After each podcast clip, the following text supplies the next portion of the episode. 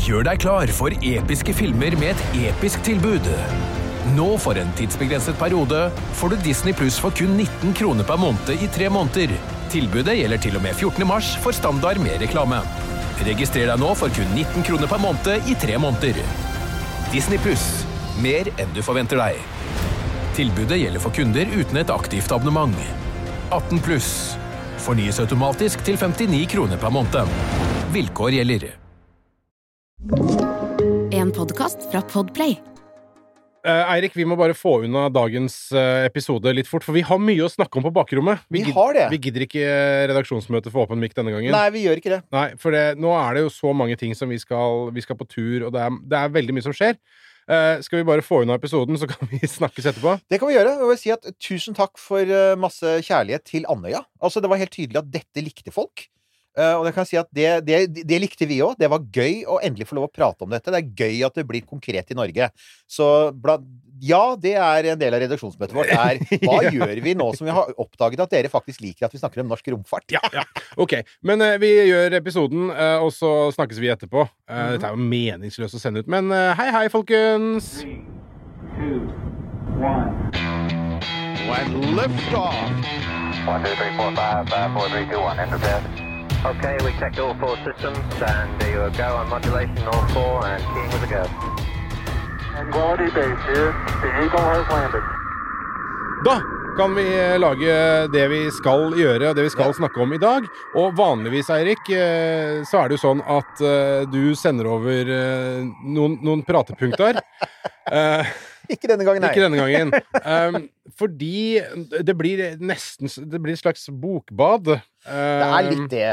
For du sa jo før vignetten at uh, vi har fått masse kjærlighet for Andøya, og det går jo ikke an å gjøre annet enn å bare elske det greiene der. Det vi skal snakke om i dag, er noe som det går an å ikke elske. Ja. Der er det mye mer kontroverser. Altså, det er på tide å ta opp en ting vi har gjort før i denne podkasten, og det er å altså, rett og slett lage en profil av viktige personer i romfarten. Ja. Vi begynte jo med å snakke om Werner von Braun, der var han nevnt. Ja. Eh, Vi har snakket om Sergej Koroljov, han som startet eh, romkappløpet med Sputnik og sånn. Og så var det satanist, sexkult, eh, Jack Parsons, som drev og detonerte ting og skapte JPL. Og så har vi da kommet til så fant vi ut at det er faktisk på tide at vi også begynner å gå litt gjennom eh, hva Elon Musk har gjort for romfarten. Fordi at han dukker stadig vekk opp. Han er med i ca. hver eneste episode. Men det er gjerne litt sånn stykkevis og delt, og gjerne i forbindelse med noe han har sagt eller gjort. Ja, vi har jo, vi har jo dekka Vi har snakka mye om hans gjøren og liksom laden er på Boca Chica osv. og så. Og si, ikke sant? Og si liksom OK, hvor kommer, hvor kommer på en måte fyren fra? Eh, Sør-Afrika. ja, det gjør han. Helt riktig. Ja, og, Og så skal vi prøve å være litt litterære her, da. For det, som du påpeker, det er um, Det er kommet en bok uh, som har vakt en god del oppsikt. Uh, og det er altså en biografi om Elon Musk skrevet av en fyr som heter Walter Isaacson, som er en veldig sånn uh, Han er en veldig respektert, sånn navngjeten amerikansk biografiforfatter. Han har, skrevet, han har skrevet om Benjamin Franklin, Albert Einstein og Steve Jobs. Og den boka leste jeg for noen år siden. Den syns jeg faktisk var ganske bra. Så han skriver veldig underholdende og bra, og han blir tatt veldig på alvor. Så han har da tatt for seg fenomenet Elon Musk. ja, har han tatt det for seg, eller har han snakket med Ja. Er han liksom Så er vi, får vi det rett fra Rett fra Holdt på å si jointen. Ja, det er litt det. Eller pillesken her. Det er litt det. Altså, jeg har jo vært Jeg leser biografier. Um, uh, jeg har lest uh, flere om Elon Musk. Uh, det var en som kom i 2015, som var veldig bra. Jeg har lest masse artikler om livet hans. Og noe av det første som slo meg da jeg begynte å lese boka til Isaacson, var mye av dette var veldig kjent. Og så ser jeg hva andre anmeldere har sagt, og det veldig mange sier, er Oi, wow, eh, her var det jo stort sett velkjente historier, og ganske riktig. Han har hengt sammen med Elon i to år. Det har vært i den Twitter-perioden, da. Så, så, han, så han har fortsatt sett mye av, Twitter på, altså mye av det som skjedde på Twitter på innsiden.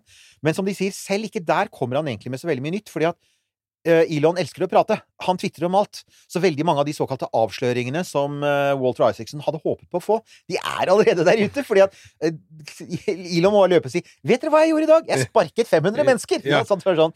Så eh, han eh, det er ikke så rart at den eneste saken som ble sett på som juicy nok til at det ble brukt som en teaser før boka ble lansert, var den Ukraina-saken. Ja. Som også viste seg å være litt en sånn ikke-sak, for i bunn og grunn så er det det han har gjort hele tiden. Altså dette her, Vi kommer litt tilbake Du, til det Det var litt det jeg tenkte. Skjønner du, Når du la ut eh, det på Facebooken, så tenkte Ja. jeg litt sånn Å, nå lurer jeg på om Tenkte altså til ingen forkleinelse for Eirik Knut, men da tenkte jeg nå, nå kan det hende at han hoppa litt raskt på. Ja, Eh, altså For det, det slo meg som en sånn derre Sånn tabloid eh, oppjassing av noe som kanskje ikke var så voldsomt som det Nei, altså, viste seg å være. Så vi, vi kommer tilbake til det. Det viser seg at det er egentlig veldig alvorlig, og det er mange som tar det veldig alvorlig. Men akkurat, ak akkurat hvorvidt ting ble skrudd, når ting ble skrudd av og på, det var helt, det var helt uviktig. Og der, der insisterer jo Elon på at uh, der tar der tar Walter Isaacson feil, og så går han ut på Twitter og så sier han, du Walter, dette må vi rette opp på. Og Walter han kommer tilbake og sier ja, men selvsagt, Elon. Så tenker jeg hm, her var det mye distanse mellom biograf og subjekt, du. De er bestekompiser, og jeg veit at når noen er på fornavn med Elon, da kan jeg love deg én ting, og det er at de kommer aldri til å si noe stygt. Nei. Det, det gjør de ikke. Nei, og det er litt sånn Etter hvert så har man jo fått den der feelingen av at Elon Musk har morfa inn til en sånn båndskurk som har flytta ned i en gammel vulkan. Ja. Og hvis du sier eller ser i feil retning på han, så, så blir du fora til noen krokodiller eller noen pirajaer eller et eller annet sånt noe. Altså, er Delt noe, i to med laser. ikke sant? Og det er noe av det som gjør det veldig vanskelig å prate om han, er jo at også at han har forandra seg. Altså, denne podkasten ble jo i veldig stor grad starta fordi han gjorde veldig spennende og bra ting. Og de skal vi prate om. Han har gjort veldig mye viktig og bra for romfarten. Og det var den fasen der, altså den gamle Elon, da, som inspirerte Som blant annet gjorde at jeg tenkte at ja, dette må vi snakke om, for dette er jo gøy, ikke sant? Jeg liker mest de tidlige greiene hans. Ja, ja, men det er sånn- mainstream nå. Jeg Ja, liker ikke ja, ja, det ja. på med lenger. Det er ingenting, altså. ikke sant? Er liksom ingen, Rolling Stones var aldri det samme etter Painted Black, liksom. Det er litt der. Jeg, jeg er enig i det at det høres litt sånn ut, men dette er ikke bare oss. Altså, det er gjort meningsmålinger som viser at folk har jo forandret syn på han. For eksempel, han var en favoritt blant amerikanske demokrater for ti år siden, for at han jobba mye med miljøvennlig transport, som vi for øvrig ikke skal snakke om i dag. Det er, en, annen, er en annen type podkast. Men de har skifta. De ser jo nå på han som en mye mer sånn republikaner, og mye altså, altså de har da Og republikanerne er da liksom blitt gladere i han. Og det samme gjelder internett. Internett pleier jo å elske han, ikke Mm. sant? Og så er det blitt veldig delt. Så han har blitt mye mer sånn splittende. Og, og der er jeg sier, når, når det skjer med alle Altså, det er litt sånn den derre Når du møter en idiot, så det liksom Så kan du lure på om det er om han er en idiot. Når alle rundt er idioter, Ja. så kan du lure på om det kanskje er du som er idioten. Ja. Det er litt der de er. Ja, Og akkurat nå så er det sånn at det er fryktelig mange som sier at han er en idiot. Er det mulig at han bør stoppe opp og si sånn? er, er det kanskje meg? Eh, ja, og så, men så lurer jeg på innimellom det, og det som er vanskelig da, når det er med sånne folk som dette her, da, som vi snakker om nå, Elon Musk, så, så er det, sånn, det, er- det er vanskelig å helt bedømme det.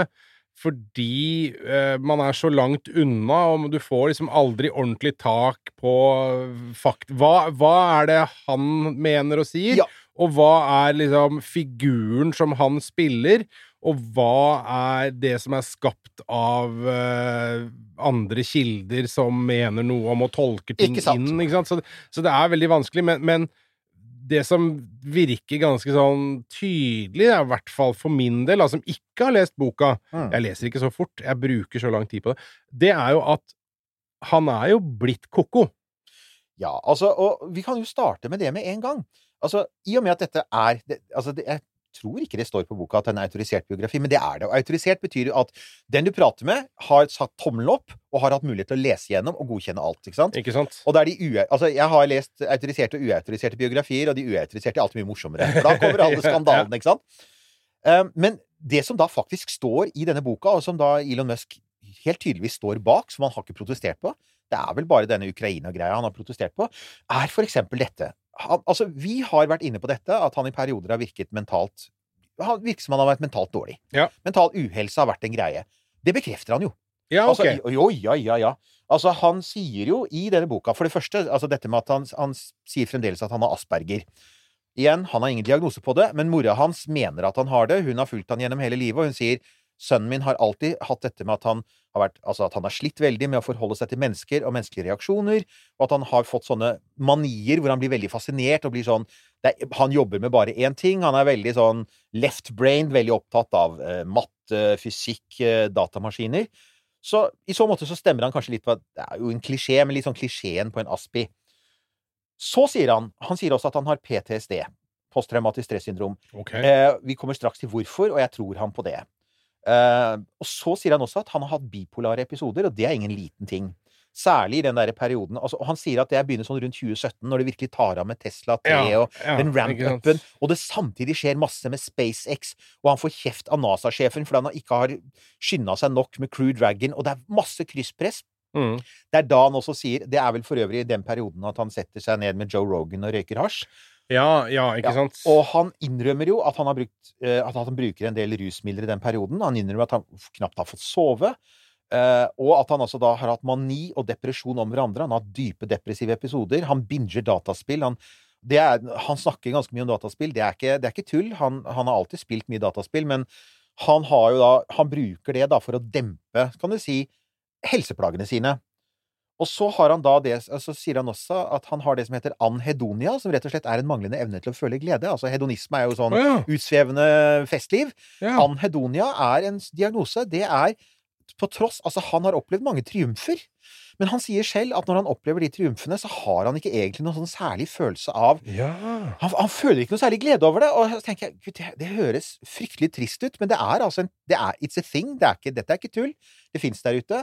Og det er en av grunnene til at han alltid løper videre til neste ting. For at han, han prøver alltid å finne liksom den neste haien. Ja, du leiter etter Er det noe som Ja. kan gi meg dette? Og da Ja. kommer den risikosøkende atferden, som han også er berømt for. Han, Ja. Det kommer vi tilbake til, altså, for han gjør det. Han tar mye sjanser. Og han sier selv dette er en del av hans personlighet. Og risikosøkende atferd er jo ikke nødvendigvis en diagnose, men det er noe du finner igjen i mye. For eksempel, altså, altså Han er på sett og vis i ingeniørvitenskapen er han en basehopper, ikke sant? Mm. Han tar sjanser ingen andre ville ta. Og så til slutt, da, og der kommer det, og det er det som nok flest har, lagt- har lagt merke til, og som for, kanskje forklarer mest med, med han, det er mangelen på empati. Ja. Han sier selv 'empathy is not an asset', og bare det at han kaller empathy en asset, altså et virkemiddel eller en ting du bør ha i porteføljen din, sier egentlig alt. Familien hans sier det, kolleger, alle de han har sparket, folk rundt han sier det. Han, det er ikke bare det at han sliter med å tolke og forstå andre menneskers følelser og tanker, som er en litt sånn Aspi-greie. Nei, eh, han Han eh, Han har i det hele tatt liksom ingen forståelse for og ingen evne til å sette seg inn i andre menneskers tanker og følelser. Så han oppfører seg ofte ekstremt hensynsløst.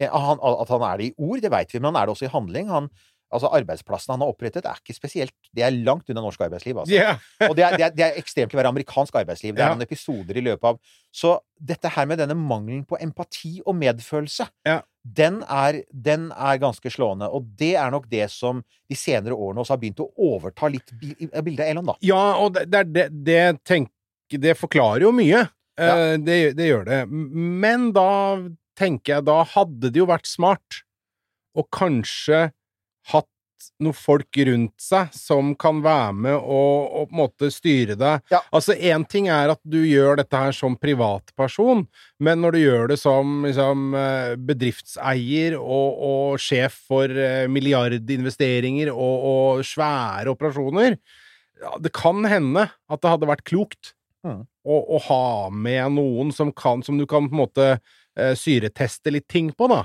Og det viser seg Han har jo noen få sånne. Den viktigste er Gwen Shotwell, som vi kommer tilbake til. Ja, men hun kan jo ikke sitte oppe hele dagen. Nei.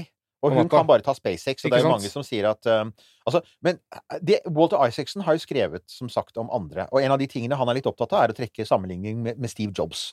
Og det, er ikke helt, det er ikke helt feil, egentlig. fordi at Steve Jobs, Man vet at Steve Jobs privat var en drittsekk. Uh, han fornektet sitt eget barn. Det har, også, det har jo også Musk gjort. Mm. For øvrig, Musk har masse unger. Ja! Og det, ser, og det ser faktisk ikke ut som han bryr seg fryktelig mye om dem.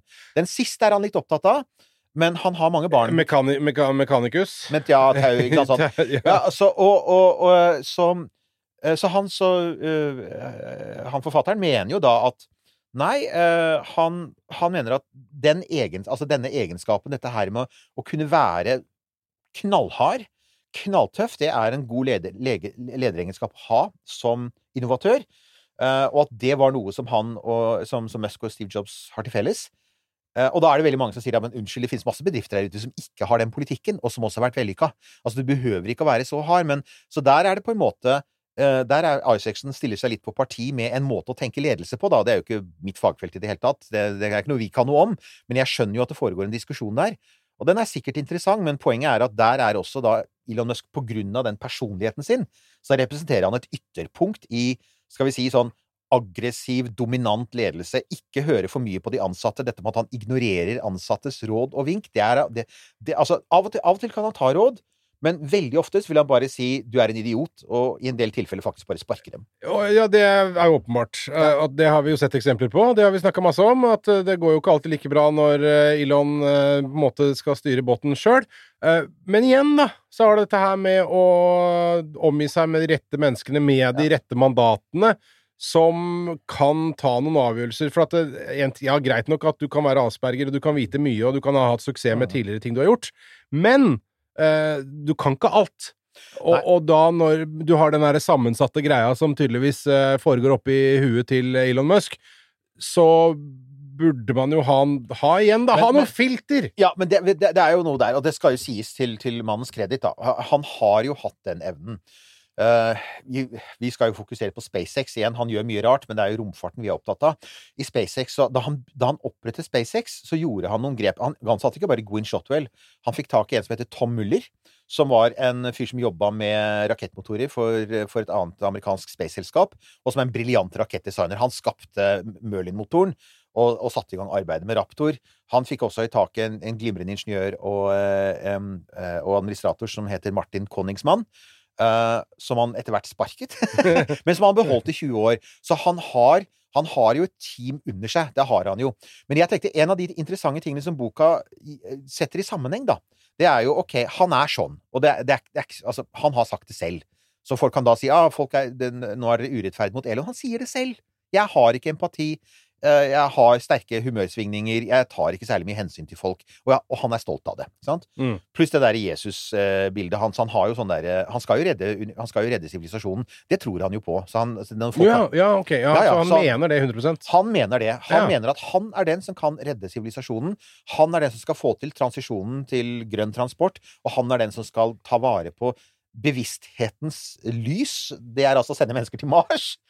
Eh, Kaller han det det? han kaller det det. Bevissthetens The- lys. Ja, The Light of Consciousness. Og som den, Begynner å ligne skummelt en- på noe greier som går i hvitt her, altså. som en navnløs kilde. Jeg skjønner Ja. hvorfor han er kilde. Han sier hvis du har lyst til å ha en fiende for livet, så still deg mellom Elon Musk og full kreditt for et prosjekt han var deltaker på. Han- Tesla. ja, ja. Men altså, ja, Jesuskomplekset er der også. Og da, da, da skjønner man jo OK, det må jo komme et sted fra. Og du var inne på det. Han er for det første han er født i Sør-Afrika. Eh, 1971. Det er under apartheid-tiden. Mm -hmm. uh, og han er født inn i en sånn ikke, altså, Det har vært mye diskusjon hvor rik familien hans var.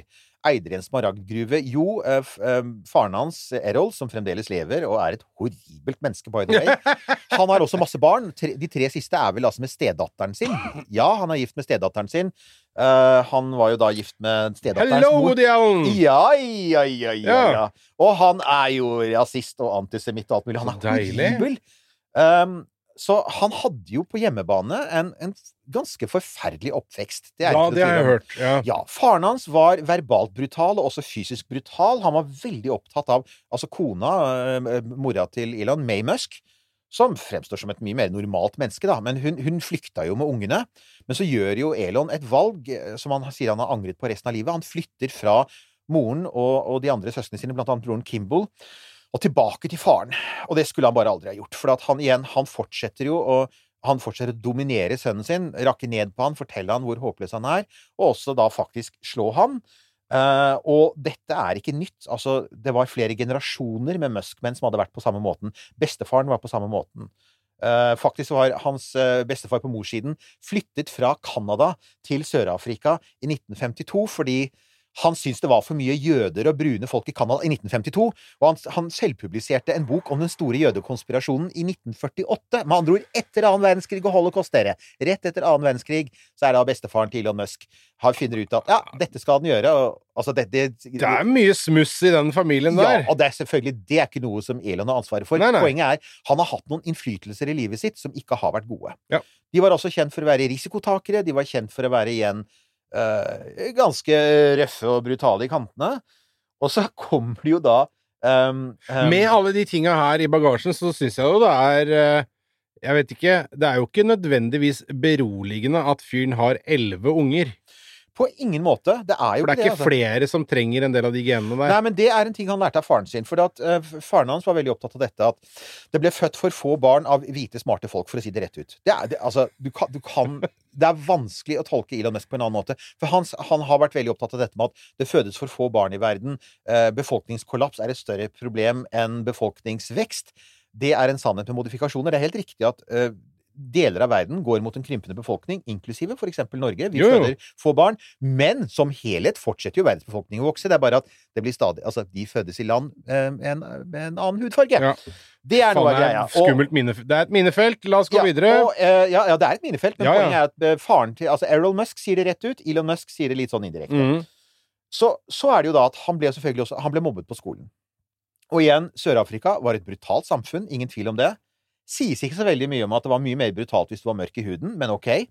Dette er jo mens for eksempel Soveto-opprøret foregår. Det er mens altså, skolebarn skytes for å protestere, gjennomføre fredelige protester. Men, men ingen tvil også om at uh, igjen, det er mange som bekrefter det. Hans skolegang var helt horribel. Han ble mobbet. Han var nerd. Eh, han har jo en litt sånn rar måte å snakke på. Det var nok å plukke på. Han var ganske sånn stor og litt sånn eh, uvøren. Altså, han, liksom, han var litt sånn stor, Klumsete. Litt sånn klumsete. Uh, geeky dude som snakket litt rart, og uh, I can relate. Jeg hadde i tillegg rødt hår og briller. Tror du jeg var populær, liksom? Du, har du hatt rødt hår? Jeg har det! Det er oh, ja. veldig grått nå, men jeg Ja. har jo det. Ja, ja, ja. Yes, jeg Så jeg, så gratulerer. så jeg, gratulerer. Ja, jeg Ja. er skikkelig uh, Ginger! Ginger! Ja, Ja. ja, bare, bare si det. Så han eh, jeg, ble, jeg, ble jo utsatt for ganske mye verbal mobbing, men aldri fysisk. Men han ble slått, altså. Eh, og faren hans sa den eneste måten å ta Han ble en gang kastet ned en trapp og slo seg halvt i hjel. Og ingen gjorde noe, selvfølgelig. For det gjorde man ikke med mobbing, enten det var Sør-Afrika eller Norge, på 70-tallet. Eh, hans fars løsning var du må lære deg å slå tilbake. Ja. Og det gjorde han. Så en av de tingene så noe, Igjen et sånn typisk Elon-trekk. Han gir seg ikke på tørre møkka. Nei. Som kan være en god egenskap når du forsøker å fikse en rakettmotor, men som for eksempel i en offentlig debatt hvor du blir tatt i å ta feil. Ja. Eh, så, så han gir seg ikke. Det er liksom Jeg tenker at hvis du skal se, se sånn eh, forretningsut... Altså, jeg, det er så mange ganger jeg høres ut som en blåruss i Ja, denne sendinga. Ja, ja, det, er- det er greit, det. det er Noen må være blåruss nå. Jeg, ja, det er, jeg er så dårlig Jeg er så lite selger som det går an. Men, men altså, jeg tenker at det, veldig mange av de kvalitetene, la oss kalle det det, som Elon. Musk har, er jo innmari fine å ha i en det de er. fase. Nemlig. Men i en fase, ikke hele veien. I en fase. Og, og i moderasjon. Det er noe med det også. Ja, han, det han, han har så veldig mye av alt. Han er Altså, jeg, jeg skjønner jo hvorfor man vil skrive en biografi om ham, for han er jo jævla interessant, da. Han er jo Han er alltid ekstremer. Fascinerende reise Fas- og alt det der. Og veldig store doser av alt. Det er veldig sterke følelser. Det er veldig sterkt uh, liksom, humørsvingninger. Det er veldig Altså, ja, han er sta, men han er mye staere enn noen, noen vi noensinne har møtt, liksom. Ikke sant? Det er, det er han i et nøtteskall, da. Eh, faren hans forsøkte han å gjøre han til, til mann ved å sende han til noe Dette har jeg sett det har vært litt diskusjon om i sørafrikanske fora, for jeg tenkte Jeg syns jo ikke Walter Isaacson har gjort så innmari mye research. Og det, jeg har brukt tre dager på å forberede meg, og har skrevet ti sider. Det er fordi ikke du har noe manus. Det er jo ti Ja. tettskrevne sider. For jeg tenkte dette høres rart ut. Og det, altså, Isaacson skriver at Musk ble sendt av faren sin til noe som het, ble, ble kalt for Weltskol, og det er altså da på afrikansk, dette sø- sørafrikanske, nederlandskbaserte språket, så er det nærmest Altså, det er, det er leirskole, ikke sant? Det er altså en, sko, det er en sånn å, treningsleir, speiderleir ute i skauen. Mhm. Bortsett fra at Welskol var berømt for å være mye røffere. Det var mye sånn igjen, du skulle bygge kraft, eh, kraftfulle menn. Eh, Det var ute i den afrikanske villmarka, og det fantes mange varianter av det. De tøffeste, og der sier Isaacson, de tøffeste var sånn at det døde et barn eller to i året, og jeg tenkte det høres veldig kraftig ut. Jeg prøvde å finne ut noe om det, fant ikke noe bekreftelse, og det er bare sånne ting som står der. Men det, men, altså, det sier for så vidt lite grann om hva uh, Errol Musk syns at det var greit at sønnen hans gjorde. Så ja, eh, Musk selv sier at han er helt overbevist om at denne barndommen den ga han en del gode egenskaper. Den gjorde han sta, den gjorde han risikosøkende, eh, den gjorde han dominant, som han mener er en veldig viktig egenskap, og den ga, også, ga han helt klart også eh, sans for drama. Det har han likt hele livet. Så dette her med at han stadig starter krangler, det har han alltid gjort. Hans første kone Ja, bare fordi han liker Ja, Ja. han elsker drama. Hans første kone, Justine, sier det. Hun sier at de kunne starte Hun var litt sånn selv, sa hun, da hun møtte han, så hun likte det trekket til hun ikke likte det lenger og skilte seg. Men i starten så sa hun ja, vi kunne bare starte voldsomme krangler fordi at vi hadde lyst til å krangle. Og hun kunne se på en måte hvor, hvor tent han ble av å krangle. Han Det skjønner jeg ingenting av. Nei, det er veldig rart. Altså, så hun sa han er det motsatte av Han er konfliktsøkende. Ja, ja. Fordi det gir han en glede i et liv hvor en, en mann som sliter med å finne glede i ting. Ja, det Oi, ja, ikke sant? Ja, det Nettopp! Rushet Ja, ja, ja, ja, ja, ja, ja. Adrenalinkicket du får da. Så hver gang det blir stille. For jeg har hatt jeg, Og der er jeg helt misforstått, for jeg tenkte Hvorfor starter han en krangel nå? Jeg tenkte, Han gjør ofte det. Mm. Det er blitt litt stille rundt Elon, så tenker jeg Er det liksom bare oppmerksomhet? Nei, han elsker det. Han liker å liksom trykke på en knapp, og så ser alle begynne å krangle, og så bare heller han litt sånn bensin på bålet, og så trekker han seg rolig tilbake og bare nyter synet av det. Det er jo litt sadistisk eh, Jeg skal ikke bruke P-ordet her, men Ja, men, ja, ja, men, mm. men ja, noen har gjort det. Det er, det er trekk ved dette her som helt klart Altså igjen det, det, Men det ålreite her, da, er Vi bruker bruker ikke P-ordet lenger, vet du. Det er ikke Vi gjør ikke det, er ikke pent å si det. Nei. Nei, men det er ikke, det er ikke bruk lenger. Det er ikke bruk lenger. Nei, Man kaller det jo andre ting. Ja. Eh, men sånn narsissistisk personlighetsforstyrrelse er det jo enkelte som sier sånne ting. Mhm. Men, ikke sant? men ok, det er, vi er ikke psykologer. Men det vi kan si da, er fyren har det ikke, han har det ikke godt med seg sjøl. Han har det fremdeles ikke godt med seg sjøl, og han er i hvert fall åpen på det nå. Det syns jeg faktisk er en god ting. Jeg syns åpenhet er en god ting. Så er da Ja, ok, hvordan, slipper, hvordan unnslipper han fra den ganske horrible, triste hverdagen sin? Med folk som er ute etter han overalt, ikke sant? Jo, han flykter inn i bøker. Ja. Science fiction. Og tegneserier. Superhelttegneserier. Og det er en sånn ting som også jeg tror hvor Isaacson antagelig har et innmari godt poeng. Han sier eh, Elon Musks interesse for fremtidsteknologi. Elektriske biler, romskip, roboter, eh, nevroteknologi, ikke sant? Eh, hyperloop, alle disse tingene. Han sier hver gang eh, Elon trenger å roe seg ned, så er det en av to ting han gjør. Han spiller dataspill, eller han begynner å snakke om fremtiden. Og dette gjør han faktisk også mens han holder på med rakettene sine. Altså, um, Seinest i forbindelse med, med oppskytingen av Starship i vår, den som vi har dekka tidligere, sant? Eh, 20. april, hvor alt går så Da det gikk så bra. Ja. ja, ikke sant? Altså, og, Vi lærte og- masse. Ja, ikke sant? Um, han, altså, det var, altså, han var jo urolig før oppskyting, for han var klar over at det var mye som sto på spill, og at det var en stor risiko å ta. Så hva gjør han? Han tilbringer kvelden før med å prate om den neste rakettmotoren etter Raptor, så det er noe, noe annet, ikke sant? og alt det de skal gjøre på Mars. Han flykter inn i fremtiden. Og det gjorde han, det gjorde han allerede som barn. Eh, og derfor så ble han også veldig opptatt av datamaskiner. Så når den første datamaskinen kom på markedet i Sør-Afrika De kom seg vel da forbi noen sanksjoner, tror jeg. Jeg tror ikke helt det var lov å selge datamaskiner til Sør-Afrika. Men han fant nå i hvert fall en sånn derre VIC-20, som veldig mange var eh, Alle rundt meg hadde VIC-20 da jeg vokste opp. Det var før kommandore 64, det. Ja, det var det. For jeg han- husker det alltid blitt referert stadig vekk til VIC 20, men ja. Ja, Mm. og, det var, og, det, og alle disse gamle maskinene kom jo også med sånn der, gjerne med sånn basic, altså som installert, så du kunne skrive din egen programvare. Og det var noe av det første han gjorde, var jo å sette seg ned, lære seg hvordan Tok maskinen fra hverandre, fant ut hvordan den fungerte. For det var også en sånn ting som han hadde litt fra familien sin. Alle var liksom glad i å mekke på ting. Så han, han mekka. Han tok fra, tok, tok fra, fra hverandre maskinen for å se på hvordan den var mekanisk, og så begynte han å se på software.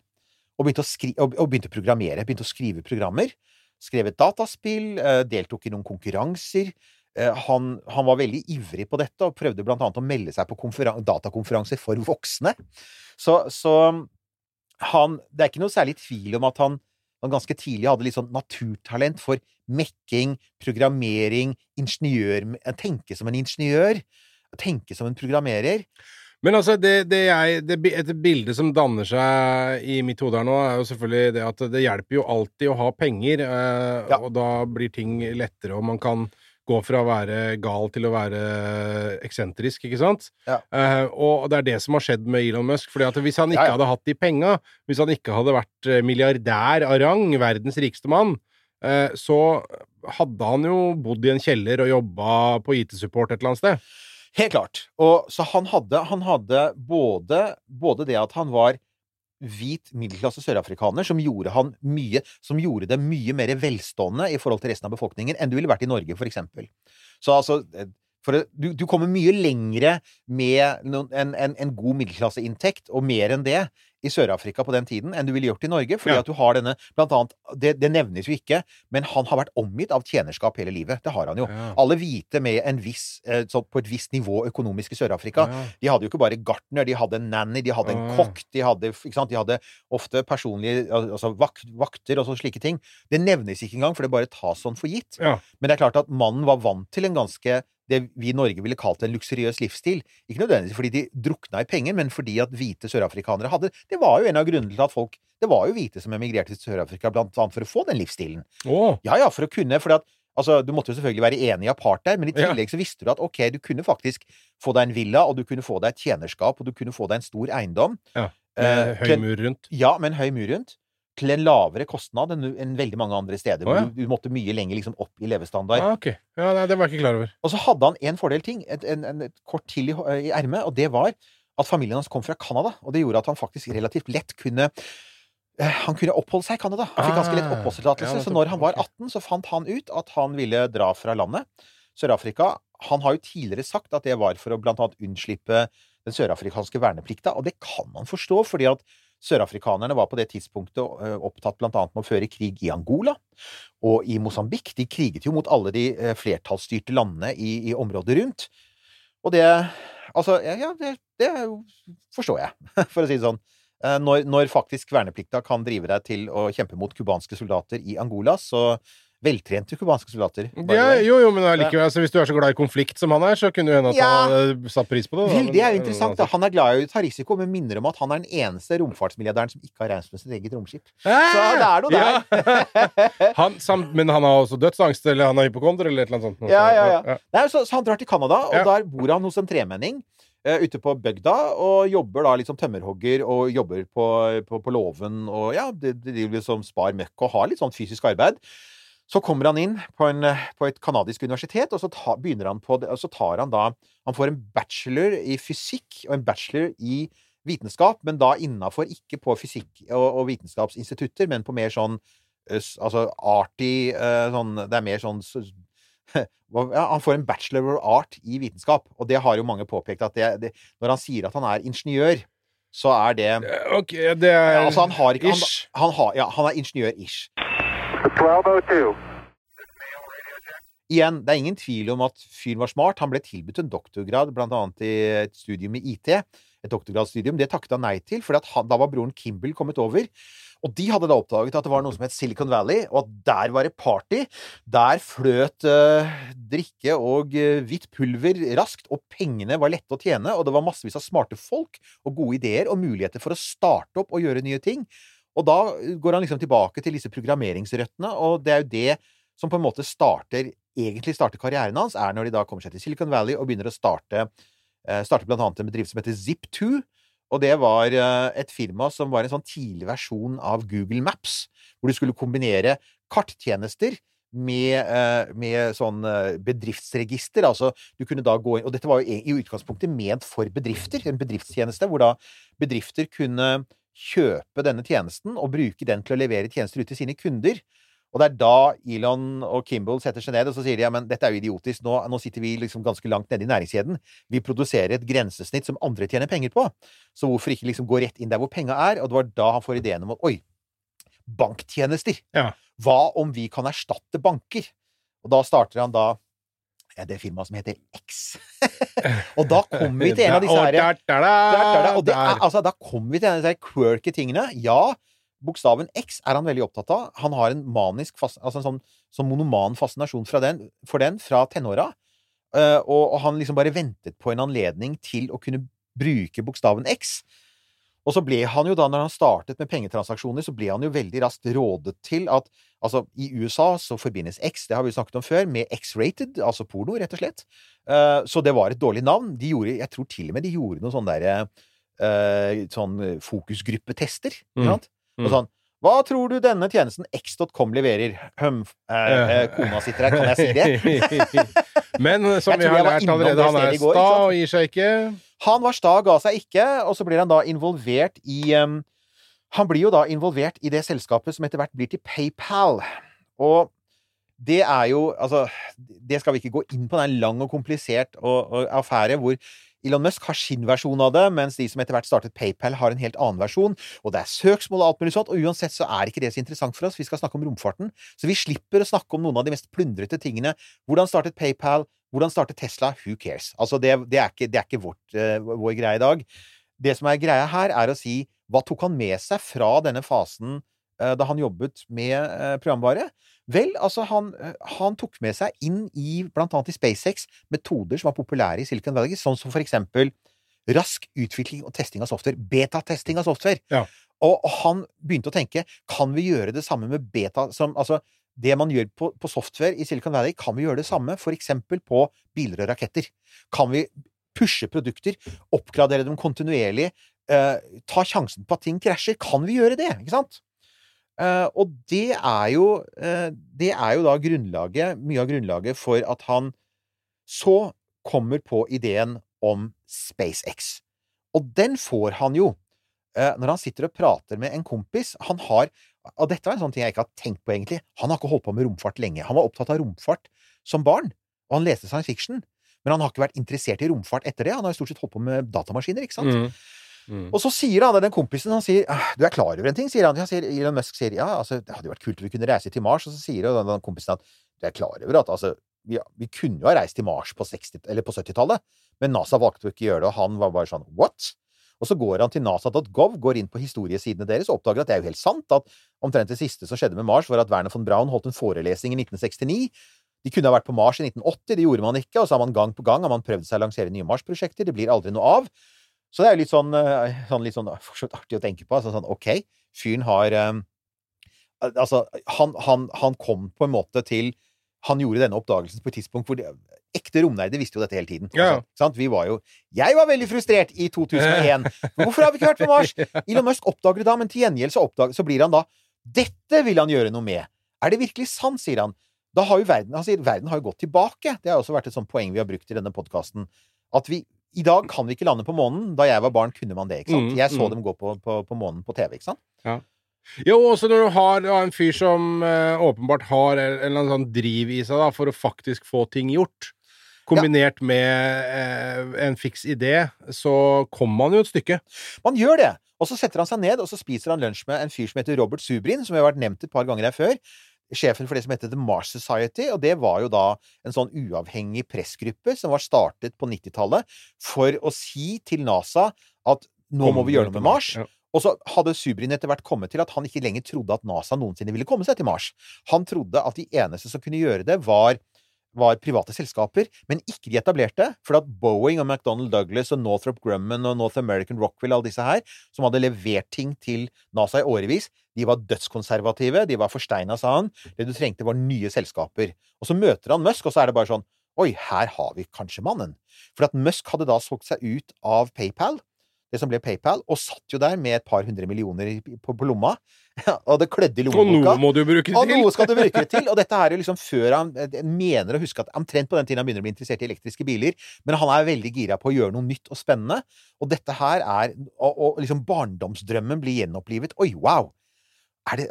Han hadde drømt om at vi skulle reise ut og utforske solsystemet, og ingenting hadde skjedd. Og her sitter jeg med penger, og så sier da Robert Subrin sier at 'jeg tror dette kan gjøres mye billigere'. Det er en annen viktig ting som Subrin gir til Musk. For Musk ser jo på Han, han vet jo hva romfart koster. Han har jo peil på penger. Sier romferje er jo rådyr. En milliard per oppskyting, ikke sant? Milliard dollar, vel å merke, ikke sant? Hvordan i verden kan dette gå rundt, liksom? Og så sier Subrin ja, men det er fordi at rombransjen er i praksis gjennomsyret av korrupsjon. Ja, men også fordi at de ikke trenger å gå rundt, fordi det er jo det er, så, Ja. det er, det er eh, stater som driver det, og offentlige ting trenger jo strengt tatt ikke å gå rundt. Selv om man får inntrykk av det i eh, budsjettforhandlinger og så videre, så er det jo sånn at nei, det, det må jo ikke det. Nei da, og det er da vi kommer til Moskva-turen hans, da, som er ganske legendarisk. Ja, da han skulle kjøpe den, Ja! eh, den inter... Ja, Altså, for Musk får jo da denne ja. Og det er jo Mm. egentlig Jeg syns jo den ideen er ganske god. Han sier vi må Altså, vi må jo gjøre folk oppmerksom på at Mars er et sted vi kan dra til. Og ikke bare sende roboter til, for det hadde jo NASA begynt å gjøre da. Eh, Men vi må kunne sende at, at noe levende kan overleve på Mars. Og hans første tanke, det var å sende en mus til Mars. Mm. En mus i et sånt lite glassbur, og så et kamera. Ja. Og så kryper den omkring og spiser musemat og bæsjer. Og, og i bakgrunnen så ser du overflaten til Mars. Og så går det veldig raskt, og så tenker han den musa kommer nok til å daue. Og en død mus på Mars er kanskje ikke det vi trenger. Og så, Du ser det for deg. Men jeg liker jo tanken. Så jævlig trist! Det er så trist. Liksom. Mikke Mus på Mars, ikke sant? På Mars. Ja, Men så sier han OK, Stakkar. lille venn Han flyter rundt inni der Ja, ja, med bæsj og frø. ja Jævla fin utsikt, da. det er veldig fin utsikt. Nydelig. Ja, på tuppen av en sånn sovjetisk interkontinental Ja, atomrakett. ikke Ja, sant? Og så er det Ja, nei, så sier han Nei, men vet du hva, vi sender et drivhus isteden. Så da skulle det være plante, da. ja, okay. Så tanken var da at du Mm. skulle ha, lande et sånn lite drivhus på Mars, og så skulle du ha en, sånn, et kamera, og så i bakgrunnen så skulle du ha Mars overflate. Og så ville folk se kunne se den planta dø. Se den visne. Ja, ja, ja. Men uh, igjen, da. Altså, det, det skal Mm. sies. Jeg tror ikke egentlig han var så veldig bekymret for musas velvære, for han har jo ikke Nei, han har empati. ikke empati. Men det var, det var reklameverdien, da. Ja, ja, ja, Eh, Mus, musekadaver er ikke tingen Mhm. å sende til Mars. Nei. Og så er det da en, en, en fyr han treffer som sier ja, du er klar, han hadde jobbet med nedrustningsprosjektene som foregikk etter, det at, den kalde, etter at muren falt. Så han sier du er klar over at Sovjetunionen er full av raketter, altså gamle raketter. Av en type som de kalte for Dnieper, mener jeg å huske. Gamle atomraketter. eh, Og, og de prøver faktisk å finne kjøpere. Og igjen så er Musk bare «Oh, What? OK. Så det han gjør, er at han setter seg på et fly til Moskva. Og der, den skildringen til Isaksen er faktisk ganske morsom. Han skildrer da de, de møter opp på en bar i Moskva, og Elon får ganske Han er jo ikke aleine, han har med seg et par han kan stole på. Som har ingeniører som har peil på ting. Og så, Ja. og så ganske raskt så får han en sånn derre Litt uggen følelse, for foran seg setter det seg en sånn derre Litt sånn røff type. Ser litt ut som Prigozjin, ikke sant? Husker han? Ja. Uh, med, han mangler en tann, denne fyren. Selvfølgelig gjør han det. Uh, så han får liksom følelsen av Snakker han nå egentlig med en fyr fra det sovjetiske rakettprogrammet, eller snakker Nei. han med en mafioso Ja. som har kjøpt noen raketter Ja. fra det? Og så, og så Det første de prøver å gjøre, er å drikke han under bordet. Ja. Og Elon Musk er nerd, og vi nerder, jeg er litt av det samme, vi nerder er ikke spesielt glad i å drikke, og i hvert fall ikke har sprit. Så de har da spesiallaget vodkaflasker med Elons ansikt på Mars på. Og så driver de og heller på. Og han innrømmer ærlig at eh, han tålte jo ikke så mye som den der, disse mafioso-dudene fra Tsjetsjenia. Nei, det skal du få meg til å tro. Nei da, så, og etter hvert så blir det jo ganske og, og I utgangspunktet så har de da tilbudt han to raketter for sånn Only for you, special price. 18 millioner dollar for to svære raketter som i prinsippet kan sende ting til Mars. Og det var sånn Ja, nei, det kan han fikse. Det har han liksom råd til. Han har budsjett til det, da. Han veit jo at det vil koste mye mer, for det må bygges ting rundt. Og så utover kvelden, da når det blir mer liv igjen, så skjønner han etter hvert at de, de, de, de leker med han. Altså, de, tar han jo ikke på alvor. Ah, ja. Her kommer han der eh, kapitalist-guttungen, jyplingen fra Silicon Valley, stinna dollar for å kjøpe Som skal vinne Fort of arv- July uh, Rockets. arvesølvet til Sovjetunionen, så de blir Ja. fornærma. Og han fyren med tanna, han ender jo opp med å spytte Spytte Elon Musk i ansiktet. Var sånn. Jeg er sikker på at det ikke bare var spytt som fløy gjennom det der åpne hullet i munnen? Nei, nei. Det var en aktiv spytting på Elon Musk, og så var det bare Så han setter seg på flyet tilbake, da. Og da, sier han, da kommer jo den Og det, det kan jeg tro på. Da kommer den der følelsen han hadde fra da han var barn, sånn Ikke, Ikke på tørre møkka. Ikke F om Ja. jeg skal gi meg her. Ja. Så han tenker OK, eh, Sovjetdøra er lukket. Den har built my own rocket. Hva? Nemlig fordi at alle andre dører er lukket, for at alt annet er jo så dyrt. Og dessuten, ULA har ikke tenkt å selge til han. Boeing har ikke tenkt å selge til han. ESA har ikke tenkt Altså, Arianespace har ikke Dessuten, han har ikke råd. Altså, han kan gå til Arianespace, de sier ja, ja, du kan Du har 200 millioner dollar! Ja, men det er nesten, nesten nøyaktig det en Ariane koster, ikke sant? Mm. Og det er da han sier ja, men vet du hva, eh, la oss bygge en rakett. La oss, la oss liksom Hva vil det koste? Og det er da, i den fasen der, at han da utvikler denne her eh, For så vidt eh, en, en, en metode som han har brukt fram til denne dagen, da, som er eh, fram til i dag, og det er det han han kaller det for algoritmen. Det er sånn der flere trinn som man må gå gjennom. Og det første er hvordan kan vi gjøre det billigst mulig, ikke sant? Og det andre altså hvordan kan du eh, han, han, han har noe han kaller for idiotindeksen, og det er som følger. Han sier her har du et råmateriale. Hva koster det råmaterialet per kilo, eller per pound, da? Og hva er sluttprisen? Og hvis da er sånn for eksempel at du starter med sånn, en sånn uh, rakettdyse av stål, og, og, og, og hva, hva, hva koster stål per kilo? Ja, stål koster sånn typ 100 dollar per kilo, sånn cirka, ikke sant? Sier han da. Og den dysa koster 300 000 dollar. Ja, da har du en eh, idiotindeks på 300, Altså, det er altfor mye. Aldri i verden om Altså, det må være mulig å få stålet til en dyse uten at du har ganget det med 300, ikke sant? Og det han sier at det er utrolig mye i rakettbransjen er det utrolig mye påslag som er helt unødvendige. Altfor mange muttere som koster 50 dollar, der en, en til fem, ikke sant? fem cent hadde funka. Og dette gjør de jo helt konkret. Så for eksempel har de diskusjoner om at de trenger noen eh, når han har begynt å ansette folk, som blant annet han eh, Tom Muller og sånn Når de da sier ja, vi trenger en, eh, vi trenger en dyse, og vi trenger en vifte Ja, men hva, hva? Ja, hva fins på liksom, motstykket til Biltema, da? ikke sant? Hva har du på amerikanske Biltema? Uh, fins det noe kommersielt? Ja, vi trenger et hengsel. Ja, fins det, det noe i en helt vanlig sånn uh, møbelbutikk, liksom? ikke sant? Eller sånn type Ikea? Har de noe, ikke sant? Og dette viser seg ganske ofte å, å, å, å stemme. Altså at du kan redusere kostnadene dramatisk ved å bruke hyllevare. Du kan ikke gjøre det på alt, men du kan gjøre det på mye. Mm. Og når du skal lage dine egne ting, så følger du igjen dette herre teste du, du bygger det, tester det, og hvis det eksploderer, så lærer du av det, og så tester du det igjen, ikke sant? Rapid development, som er sånn typisk eh, Silicon Valley-konsept, som man også innfører. Og det er, ikke, de, det er ikke helt i blinde, for de bruker også mye datasimuleringer. Og det er flinke ingeniører som jobber for han, så de stopper han jo når han tar helt av Han sier det der, det der kan vi ikke gjøre, ikke sant? Å ja, de, eh, de får til det, faktisk. Det hender at han hører Ja, på det, andre ganger, så, andre ganger så hender det ikke. Det er noen eh, legendariske eksempler med utviklingen av Merlin, hvor da sånn Tom Muller og Martin Corningsman sier du, det der kan du ikke gjøre. Og han sier ja, men gun på! Bang! Ok, da så gjør vi ikke det, ikke sant? Det var eh, oppskytingsplattformen på Starship. Han. Det har alltid vært der. Eh, Men, men poenget er at det er nok ganger at det funker. Ja. At han sier at ja, men dette er allikevel en brukbar metode for Ja. å utvikle raketter. Og så er det da Så kommer det en episode som er litt glemt i dag, men som er utrolig viktig for romfarten. Og det er på dette tidspunktet, de, dette er sånn 2003-2004, og de har begynt å bygge sin første rakett, den som skal bli Falcon 1. Og de har et problem, og det er at det koster mye penger. Eh, Det koster mer enn de tror. De begynner å lure på om de kan få noe penger fra NASA, og NASA sier nei, det har de ikke. Så oppdager da Elon at jo, men det er et selskap som heter Kistler Aerospace, som i årevis har bygd en rakett for NASA og for Forsvarsdepartementet, som bare aldri er blitt ferdig. Den er langt på overtid, og de har nettopp bedt om å få 200 millioner dollar fra NASA for å unngå konkurs.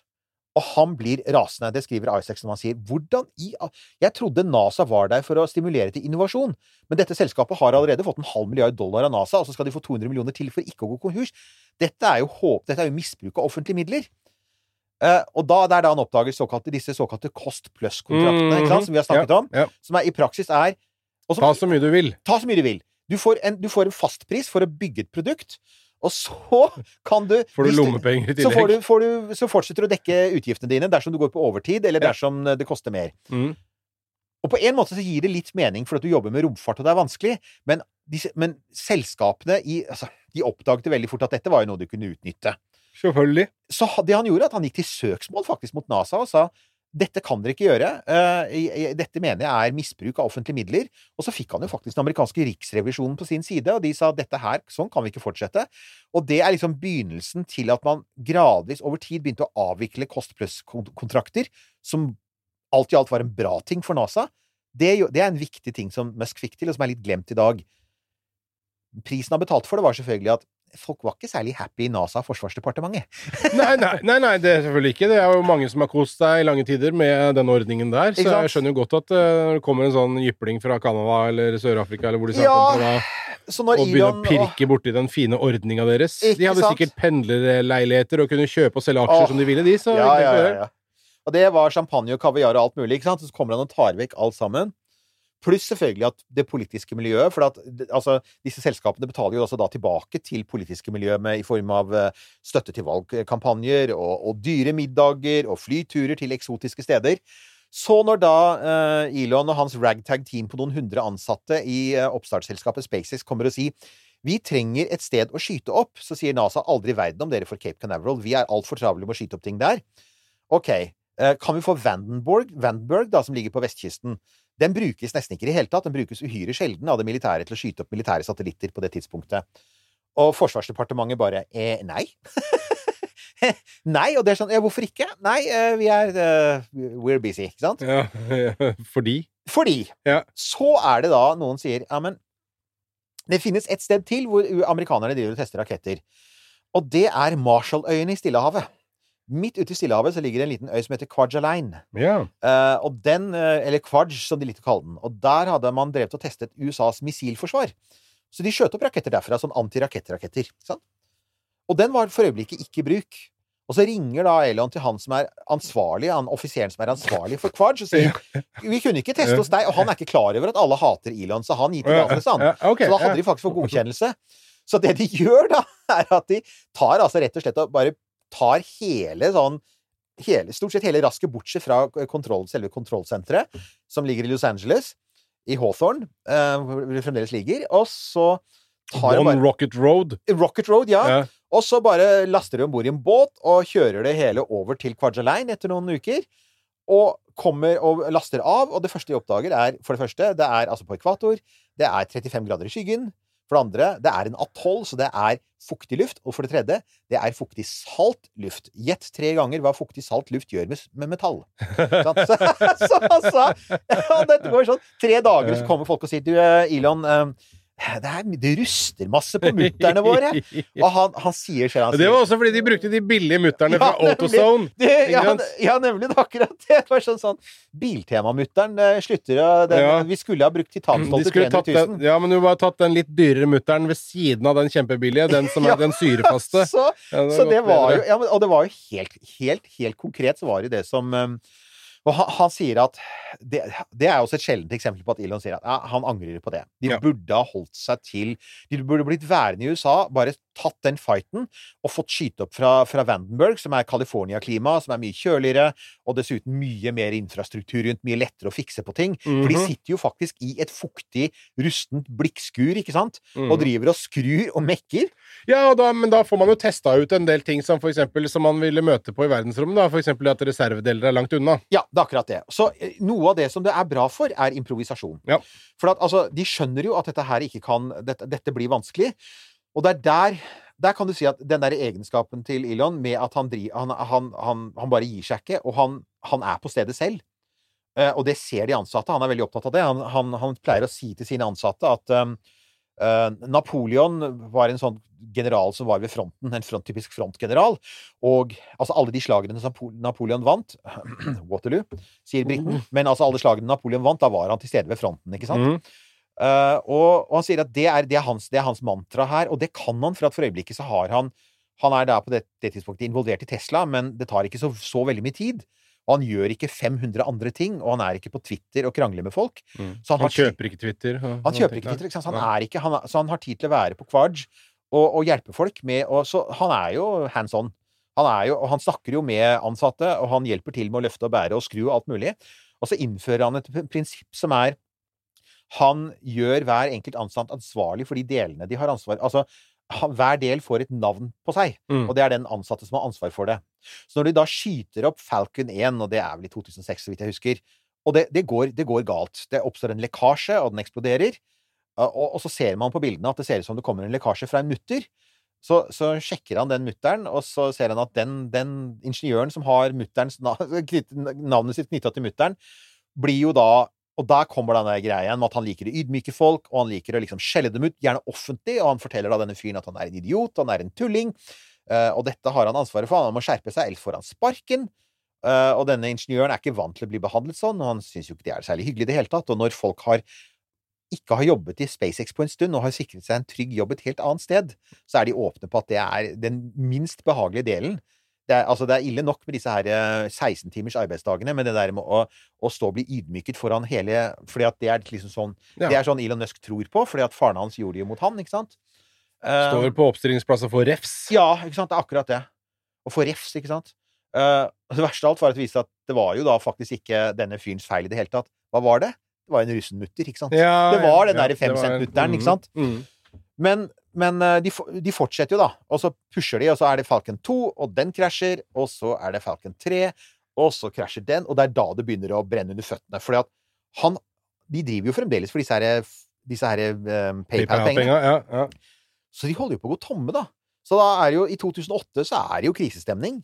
De pusher og pusher og pusher, og samtidig så er det begynt å bli skikkelig krise i Tesla. For de går også med underskudd. De får jo ikke ut sin, bilene sine sånn som de skal gjøre. Så han har nå to startup-selskaper som begge to er pengesluk og er veldig sånn hardware-heavy. Dette er ikke et software-selskap hvor du liksom sitter og mekker på noe kode. Nei, nei. Hvor du har en server. Dette her er jo store lagerrom, og det er ingeniører, og det er dreiebenker og sveising og elektronikk og full pakke. Og det er altså sportsbiler og raketter, så begge deler er ordentlig krevende ingeniørvitenskap. Uh, og det holder jo på å gå helt uh, Det holder på å gå helt galt, og det er da det er da det briljante grepet da med Gwyn Shotwell kommer inn. For han ansetter, hun er ansatt nummer sju i selskapet. Og Gwyn Shotwell, som da også er ingeniør selv, det er viktig, hun har masse kvalifikasjoner, kommer fra airspace-bransjen. Eh, hun har vært, eh, hun har vært i, eh, i SpaceX helt siden hun ble ansatt. Um, I 2003 var det vel. Og hun, hun har ett spesielt fortrinn framfor alle de andre hun ansetter, i tillegg til at hun er dyktig ingeniør og en god leder. Mannen hennes er på autismespekteret. Ah, Kan, kan, du- kan, kan du gjette, Nils Johan? Kan du gjette hvilke fordeler det gir henne når hun skal snakke med Iran? Ja, hun snakker hans språk Ja. og vet hvordan hun skal behandle folk eh, som er som han. Ja, Det er akkurat det. Så, um, så hun, um, hun sier det. Hun sier For det første så er hun en av de få som kan snakke, snakke ned Elon når han hisser seg opp. Og det andre er at hun kan forklare han for andre. For når Mm. han da For at dette, i 2008 så henger alt på at NASA gir dem penger. Så enkelt er det. Det er ingen andre der ute. Altså, eh, eh, en, han, Peter Thiel, som, start, som er den som leder PayPal, og som i praksis starter PayPal og, og gjør PayPal til det det er i dag. Peter Thiel er jo i utgangspunktet så har han hatt et litt sånn negativt forhold til Elon, men, men Elon ringer han, og de klarer å bli litt sånn, sånn eh, venner, og de har vel fortsatt å være sånn i den grad Elon har venner. Ja. og han, han stiller opp med 20 millioner dollar, som holder, holder SpaceX gående noen uker til. Men, eh, men alle er klar over at de trenger ikke millioner, de trenger milliarder. Og de eneste som har en pengesekk som det står milliarder på, det er NASA. Og på dette tidspunktet så har jo NASA skifta politikk, og det er fordi at president Bush og så Obama har sagt at de tror ikke lenger at NASA kan være ansvarlig for bemanna romferjer etter romfergen, som, som var en katastrofe på mange måter. Det har vi også snakket om. Så eh, finner de ut at eh, eh, altså romkapsler, eller romfartøy opp til romstasjonen, ja. det bør gjøres av private. Romsonder og sånn, vitenskap, det kan NASA Og det er de Ja, det er de gode på. Men, men selve dette her med mannskap, det skal andre gjøre. Dette sier Bush i 2007, og det sier Obama bekrefter i 2008, og seinere også i 2010. Så sier han, så han legger ned, Obama legger ned den delen av NASAs satsing. Han legger ned Mars-programmet deres og måneprogrammet deres. Og så blir penger slusa over i, i New Space, i privat, eh, private kontrakter. Og da lyses det ut en kjempekontrakt på tolv eh, ferder med å frakte, eh, frakte forsyninger opp til internasjonale romstasjonen med en kapsel. Og da kommer altså SpaceX inn i den, den forhandlingsrunden. De legger inn et anbud.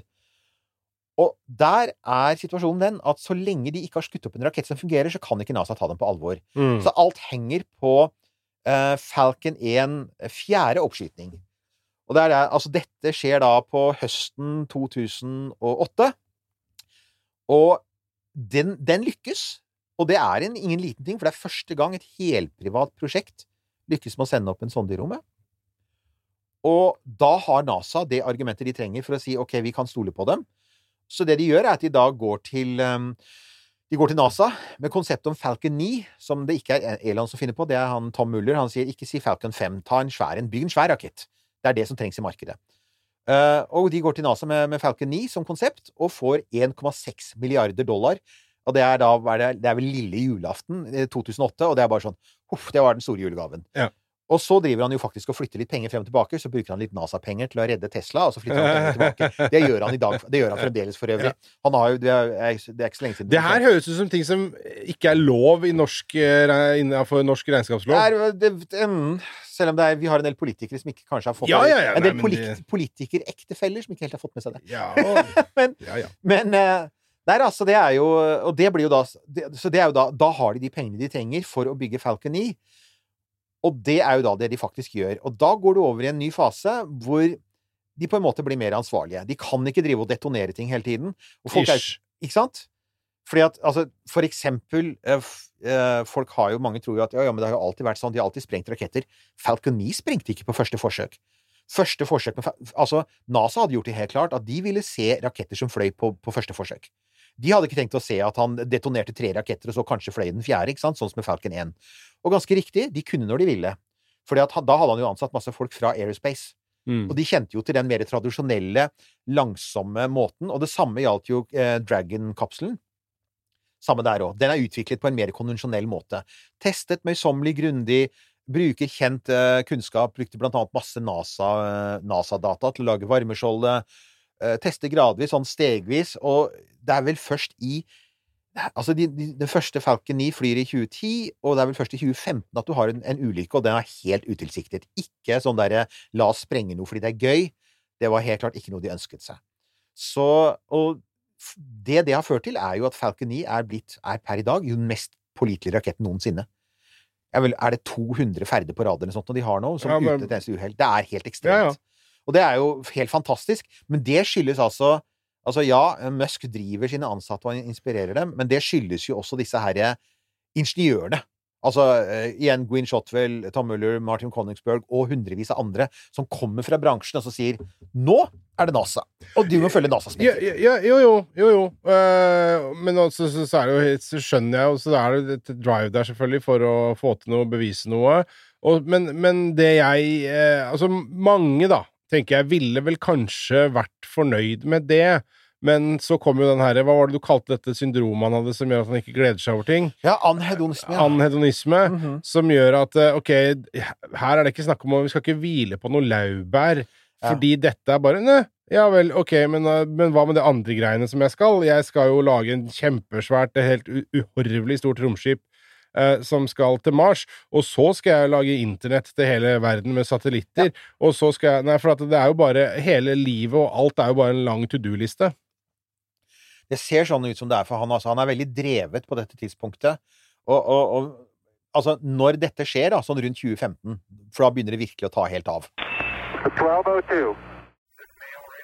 I 2015 så er det jo to viktige ting som skjer. Det ene er at da begynner Falcon 9, altså desember 2015, er første gang Falcon 9 klarer å lande. ikke sant? Første Ja, ja. trinnet. Og det er et kjempegjennombrudd. Igjen, utrolig viktige ting som Musk gjør der.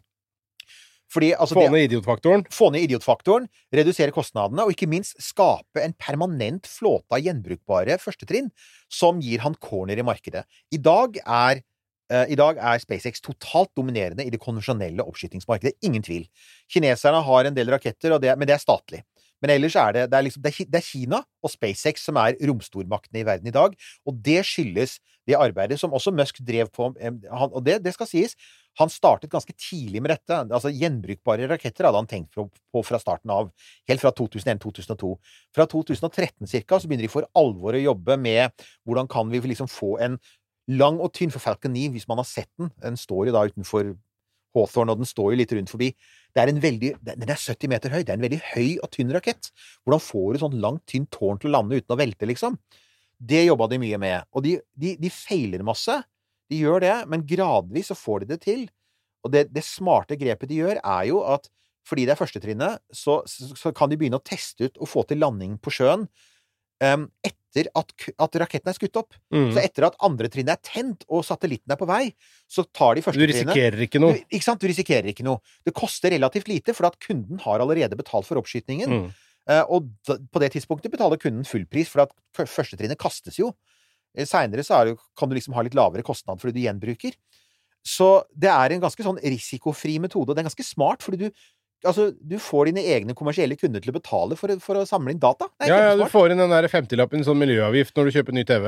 Ikke sant? Ja. Dette her, helt klart igjen, dette er all Musk. Dette er, dette er liksom sånn Det er den der rare hjernen hans som kommer opp med en innmari god idé, og som resulterer i at du klarer å lande romskip for første gang. Ideen om å lande romskip vertikalt, den er ikke ny. Det har, det har faktisk NASA også gjort på, på 90-tallet. Men å få det til å funke fra verdensrommet og ned til bakken, Ja. det er det og, Ja, så det er som jeg har sagt før, at jeg, jeg er ikke så opptatt av å se eh, Falcon 9-rakettene gå opp, men det å se de lande, Ja, det er like- det er like det er fortsatt like strålende. Selv om det ikke er noe gøy nå lenger, for nå ligger jo ikke filmen på YouTube, og kvaliteten, og kvaliteten på, på, på X er så dårlig. Kose Det deg med gamle, gamle er, filmer. Men det er også All Musk, da. Det er jo, det er jo Elon som bare sier Nei, jeg, jeg syns folka på YouTube er litt slemme, så jeg vil heller ha det på X. Ja, ja. Nei altså, så, han gjør det, og det er også i 2015 at han kommer på ideen om Starlink. Ja. Uh, og ideen om Starlink Altså, både gjenbrukbar Falcon 9 og Starlink har egentlig samme bakgrunn, og det er Begge de to tingene er bare Altså, er midler for å få folk til Mars. Ja. Uh, Falcon 9 fordi skal Han vet at gjenbrukbare raketter er det eneste som kan bli billig nok til å sende mennesker til Mars. Og Starlink fordi at det skal betale for gilde. For, på, for i 2015 har han for lengst skjønt NASA kommer ikke til å betale for dette. NASA har trukket seg ut av bemannet romfart. Så han kan ikke Altså, han har alltid kritisert dem for at ikke de kunne At ikke de lenger var noe flinke til å sende folk. Så han kan ikke da komme til NASA og si 'Vil dere være med og sende folk til Mars?' NASA sier nei. Det er, dette gjør det driver vi ikke med lenger. nei. Vi gjør ikke det. Vi, er, vi sender roboter. Sample return. Ja. Har, Eh, nå har de fått en plan igjen. Jo, jo. De siste årene har NASA hatt en Mars-plan for, sånt, i forbindelse med Artemis. Ja. Men, ikke sant? Men på det tidspunktet så har NASA mer eller mindre sagt det gjør vi ikke lenger. Så det er han som må gjøre det. Og han, da, han vet at han kan ikke få Jeg liker jo Hei sann. Um, jeg liker jo bare når det, blir, når det blir sagt på den måten som du sier nå, så liker jeg at det smått ambisiøse uh, Starlink-prosjektet bare er en sånn bigeskjeft. det er jo Ja! morsomt å tenke på. Det er bare, det er bare liksom eh, et, et eh, mål Så et middel for målet. Altså, det er det. Og så er det jo, og så er det jo noe med det han det velger er å gjøre. enten det eller basar. Altså, han, han, dette er jo ikke altså Igjen så er jo ikke dette egentlig Musks idé. For at ideen om å sende opp masse satellitter for å ha internett og telefoni fra rommet, den er ganske gammel. Altså, på 90-tallet hadde du et konsept som het Iridium. Ja! skulle- Iridium-telefoner, ja. Husker du det? Ja. Og det var også noe av det samme. Ja. Du skulle ha et, du skulle ha et sånn derre og, og det var vel noe sånt som Det kosta 790 kroner i sekundet å ringe med Iridium-telefon. Nemlig. Og Iridium og, og, og Microsoft Bill Gates hadde tilsvarende. Han hadde jo en sånn idé om at Microsoft skulle lansere skulle et eh, gi internett til verden, ja. Ja, Stemmer et det. sånt satellittnettverk som skulle reboote Ja. seg hele tiden og, og komme med virusvarsel. Stemmer. Eh, så, så ideen var gammel, og alle som hadde prøvd før, hadde krasja. Så når da Elon sånn rundt 2015 begynner å si internt i SpaceX Jeg har lyst til å bygge en svær sånn konstellasjon, megakonstellasjon, tusenvis av satellitter som skal levere internett, og kapre eh, Han sier altså på, i, i, I 2015 så, så er altså internettjenester, bredbånd og alt mulig annet Det eh, står for en sånn ca. 1000 milliarder dollar i år i omsetning. Og han håper å kapre 3% av det, dvs. Si 30 milliarder dollar i året, og få så mye overskudd av det, så mange milliarder dollar per år, at han kan betale for Mars-prosjektet. Mm. Så ideen er rett og slett å ha en sånn cash cow. Han er i seg selv ikke egentlig veldig interessert i å gå inn i internettgreia. Han, har- Nei, han har jo forlatt det. Ja, Han, ja, ja. han var i internett. ja, Det er det som er morsomt med det. ikke sant? Så det er litt kult, sånn, egentlig. Nei, en liten sigreie. Så var det jo selvfølgelig så ideen her var da å liksom få på sikt å få noe sånt noe som et privat NASA-budsjett per år som kunne dedikeres til Mars. Dilemmaet var jo at jo, jo, du snakker om å skyte opp 40 000 satellitter, men satellitter er dyre. Sant? Satellitter koster sånn en halv milliard dollar å bygge. De var håndlagde, de var kompliserte. Så når han da setter ingeniørene sine på å bygge de første Starling-satellittene, så kommer de til han med en konsept, og da tar han, metode, da tar han den idiotfaktoren igjen. Så sier han OK, her har du Altså, for det første, den er altfor stor. Den er altfor tung. For det andre, hvorfor, stikker, hvorfor står solcellene på to armer som stikker ut? Hvorfor kan du ikke på en måte integrere, integrere solcellene i selve ikke sant, satellitt... Eh, satellitt eh, Kroppen. Ja, chassis, ikke sant? Ja, ja.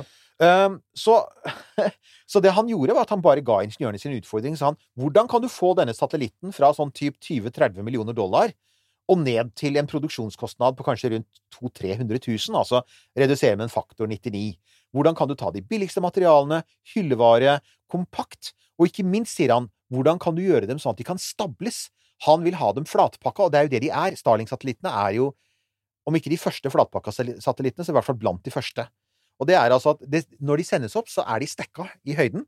Eh, og de ligger flatt, og så folder de seg ut når de kommer opp. Ah, Og igjen så er det en sånn ting som altså Satellitter kan normalt folde ut solcellevingene sine, men ofte så, så er de så, så skal det gjøres ganske mye Altså, de tar ofte ganske mye plass.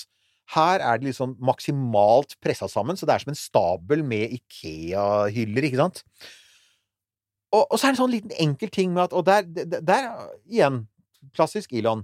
Uh, når du skal slippe satellittene løs, så har da eh, Tom, Tom Muller, eh, blant annet, han er da designeren, sjefdesigneren, han sier ja, nei, vi har gjort det sånn at vi har en serie med sånne små eh, hekter som, som slipper satellittene løs én etter én. Og så sier Elon men hvorfor kan de ikke bare slippes løs samtidig? Altså, hvorfor kan du ikke bare ta Det er liksom 40 satellitter, kan du ikke bare slippe alt på en gang?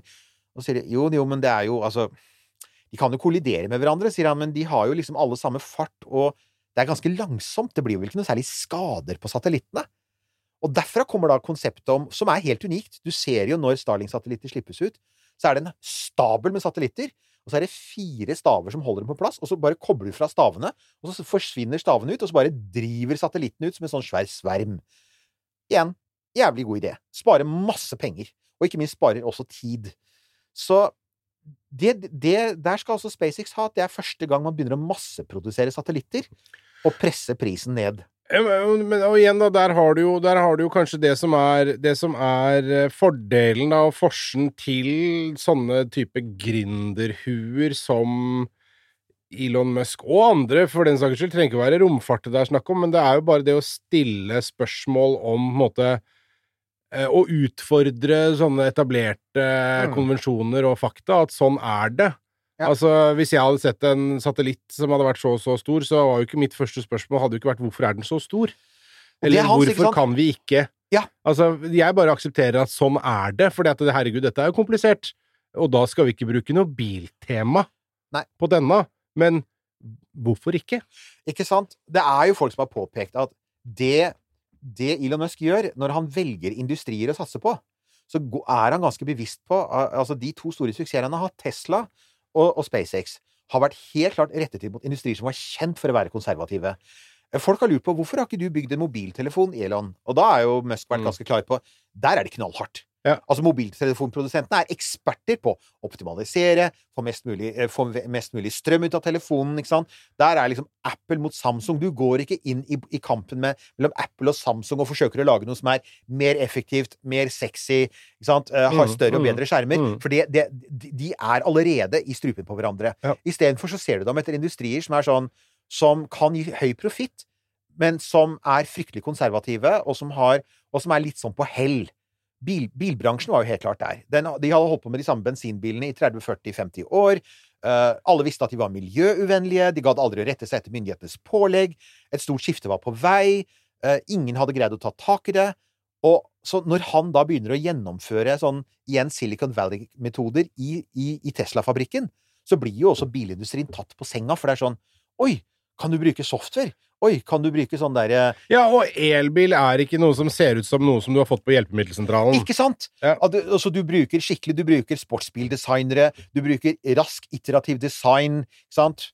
Eh, du lar ting krasje, som kanskje ikke er en god metafor. men, men så, så og, og det samme gjelder SpaceX. Rom, altså, rombransjen var helt fossilisert. Det har han rett i. Den var forsteina, den var åreforkalka, den var totalt resistent mot all motstand.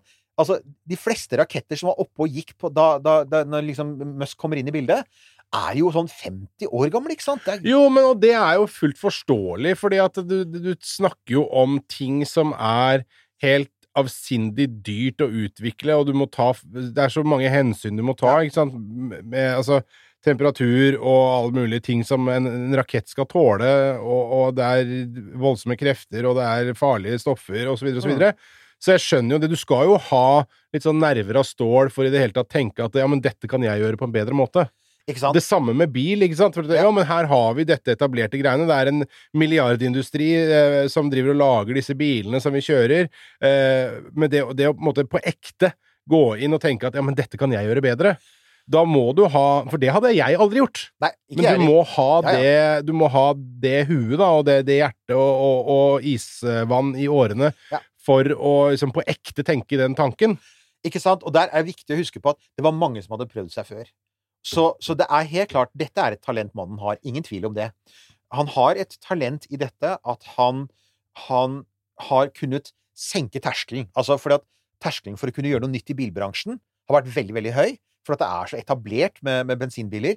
Og terskelen for å gjøre i romfart var akkurat det samme. Det var grundig etablert, og, og, og det var mange år lange kontrakter, og det var samrøre mellom militæret og NASA og Kongressen. Og liksom gå inn der og presse prisene så langt ned at du kunne si til folk denne dealen kan du ikke si nei til. Mm. Dette her er, dette er såpass bra i forhold til det du ellers har, at NASA og Forsvarsdepartementet bare må si at jo, men vet du hva, han, han har rett. Det er, det er en bragd. Men så er det som du sa. Så er det jo da. Så han sitter jo der da, ikke sant? Sånn rundt sånn 2018, 2019, 2020. Og så har han Han har jo på mange måter vunnet det nye romkappløpet. Mm, klarer ikke å Også, glede seg over det. så i 2020, for eksempel, da, det var jo en av våre, det var vel vår første livesending. Crew Dragon, ikke sant? Ja. Første private selskapet opp i banen, ikke sant? Uh, kjempes... Altså, stort gjennombrudd. 2021, da kommer eh, Inspiration 4. Første private mannskapet, ikke sant? 2021 er også det året da, da Falcon 9 blir den mest vellykkede raketten i historien. De aller fleste bedriftseiere ville sagt Vet du hva? Er- Vi er på et bra sted. Nå satser vi på drift. Nå satser vi på drift, vi satser på inntjening, vi satser på å bare eie dette markedet. Levere nye tjenester basert på kjent teknologi. Det er det alle ville gjort, ikke sant? Ja, ja. Det, er også, det er også hemmeligheten bak veldig mye av suksessen til alle slags selskaper. Fra Ford til Apple, liksom. Ja, det er det du gjør, ikke sant? iPhone har ikke forandra seg veldig mye de siste ti åra. Det er en god grunn til det! Det funker, ikke sant? Ikke han. Nei da. Nope. Nei, han skal til Mars. Og Ja. der, der kommer Starship. Ja, ja. Det er litt interessant, altså. Og det jeg ikke visste, det var, en, det var en av de få nyhetene jeg visste, eh, fikk høre, det var Altså, Starship har vært med fra starten av, for han har visst, han har visst fra starten av at de rakettene som, i, som eksisterte i 2001-2002, som og som man i utgangspunktet måtte konkurrere mot, som Falcon 9 konkurrerte mot, de kunne ikke ta folk til Mars. Falcon 9 kunne ikke annet. Altså, han, han snakket om å bygge en konseptrakett en, som skulle sende en, en, en, en kapsel Red Dragon, en spesialvariant av, eh, av eh, Crew Dragon som skulle til Mars. Som kunne sendes til Mars med Falcon Heavy. Men, men han trodde ikke det var veien å gå. Han visste at du måtte ha en helt ny rakett, og den måtte være radikalt annerledes, måtte være fullt gjenbrukbar, kunne etterfylle drivstoff i rommet, og kunne også etterfylle drivstoff på Mars. Og på andre steder i solsystemet, ikke sant? Det var liksom, og da skulle du etterfylle på Mars, så ville metan være det beste drivstoffet, og det var det ingen som brukte. Så han, de radikale tankene var der veldig tidlig. Og i 2016 så formulerer han alle disse radikale tankene. Da har det i årevis har det gått rykte om at det fantes en stor rakett som de drøftet på lunsjrommet i SpaceX, når Elon liksom ble litt høy eh, på ideer. Ja, Å ja, på ideer, ja. Okay, Ja, ja. Og kanskje andre ting. Når han liksom ble veldig ivrig, så snakket han, han det, het noe sånt som Mars Colonial Transporter. Ja. Og det var eh, Selv Elon skjønte at det, altså, der var det liksom så mye problematisk eh, Colonial. ja, litt politisk ukorrekt. Ja. Så, da, så i 2017 så lanserer han da konseptet BFR, som da står for Big Falcon Rocket, eller den F-en står jo for noe helt annet, for han liker jo sånn humor. ja. uh, og i 2018 så er det Starship det skifter til. Og da hadde man jo jobbet med konseptet en god stund. Man hadde også jobbet med motorene, i mange, altså Raptor-motorene, i mange år. De nye motorene. Uh, og det skal sies altså at, at Starship er det, Igjen, det er det som, er, som gjør Elon til Elon, må man si. Eh, Falcon 9 var bygd på mye kjent teknologi. De brukte parafinmotorer, parafinoksygen. De brukte folk fra eh, eh, altså aerospace-bransjen som, som i stor grad tok kjent kunnskap og, og forbedra den. Det var et, et kjent produkt, eller en kjent kategori med produkter, som du forbedret. Det er ikke Starship.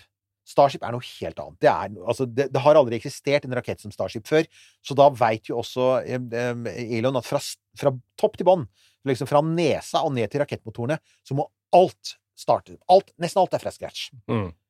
Ja, og det er jo eh, Altså, vi har jo snakka mye om det. Det er jo en ambisiøs tanke, og det er jo en Altså, jeg vil tro at veldig mange eh, hadde blitt skremt lenge, for lenge, lenge, lenge siden, hvis man skulle gå inn på det, og dette skal jeg lage. Sant? Eh, du bytter ut alt. Du bytter Ja. ut materialer, du bygger av, du skal bytte ut drivstoffet, du skal bytte ut alt. Du skal lage alt fra bånn av. Ja. Um, det er litt sånn eh, Sitte og stirre på det der blanke arket der og skulle begynne et sted. Det er, det er en tøff oppgave å sette den første blyantstreken, altså. Det er det. Og det, det, og det, de, det kan jeg si Det kommer fram altså, vi har jo hatt litt, Det har jo foregått litt diskusjoner rundt forbi, både på nettet og for så vidt også i vårt kommentarfelt, som er sånn Ja, men dette har da gått veldig fort, egentlig. Altså, I denne boka så kommer det tydelig fram at dette har vært tungt, altså.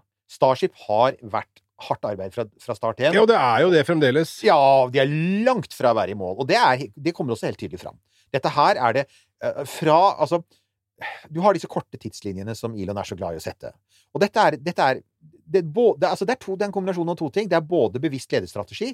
Han vil inspirere folk ved å si, som han sier, uh, insanely ambitious, insanely eh, Ikke sant? Um, insanely uh, sånn fast, ikke sant?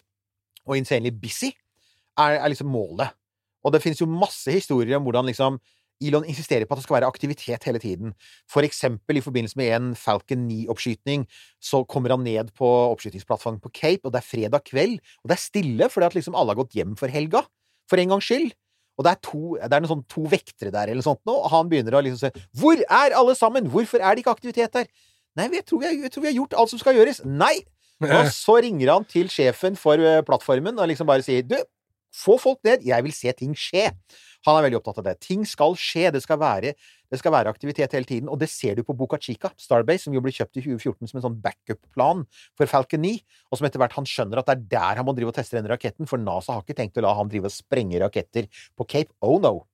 Eh, men der er det samme. Det er alltid aktivitet der. Mm. Det er delvis det er, det er litt Elons tanke. Det skal hele tiden skje noe, for da har du fremdrift.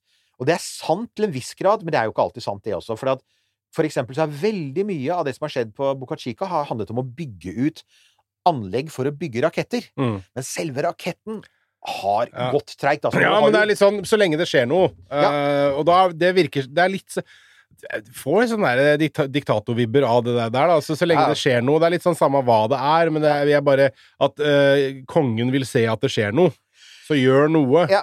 Hva var det sånn Hva var det br br Britiske soldater under annen verdenskrig hadde vært sånn eh, If it moves, salute it. If it stands still, paint it. Ja. Det er sånn, det er litt sånn Du skal bare være aktiv. Vær i bevegelse hele tiden. Og, så, og så er du trygg. Litt den følelsen, altså. Uh, det er klart, altså Jens har altså Han gjør noen interessante grep. Og det, altså det viktigste grepet som virkelig er all Elon når det gjelder Starship, det er dette med valget av byggemateriale stål. Mm. Opprinnelig var planen å bruke en kombinasjon av aluminium og karbonfiber, for det er det som er standard i rombransjen i dag. Det er lett, det er sterkt.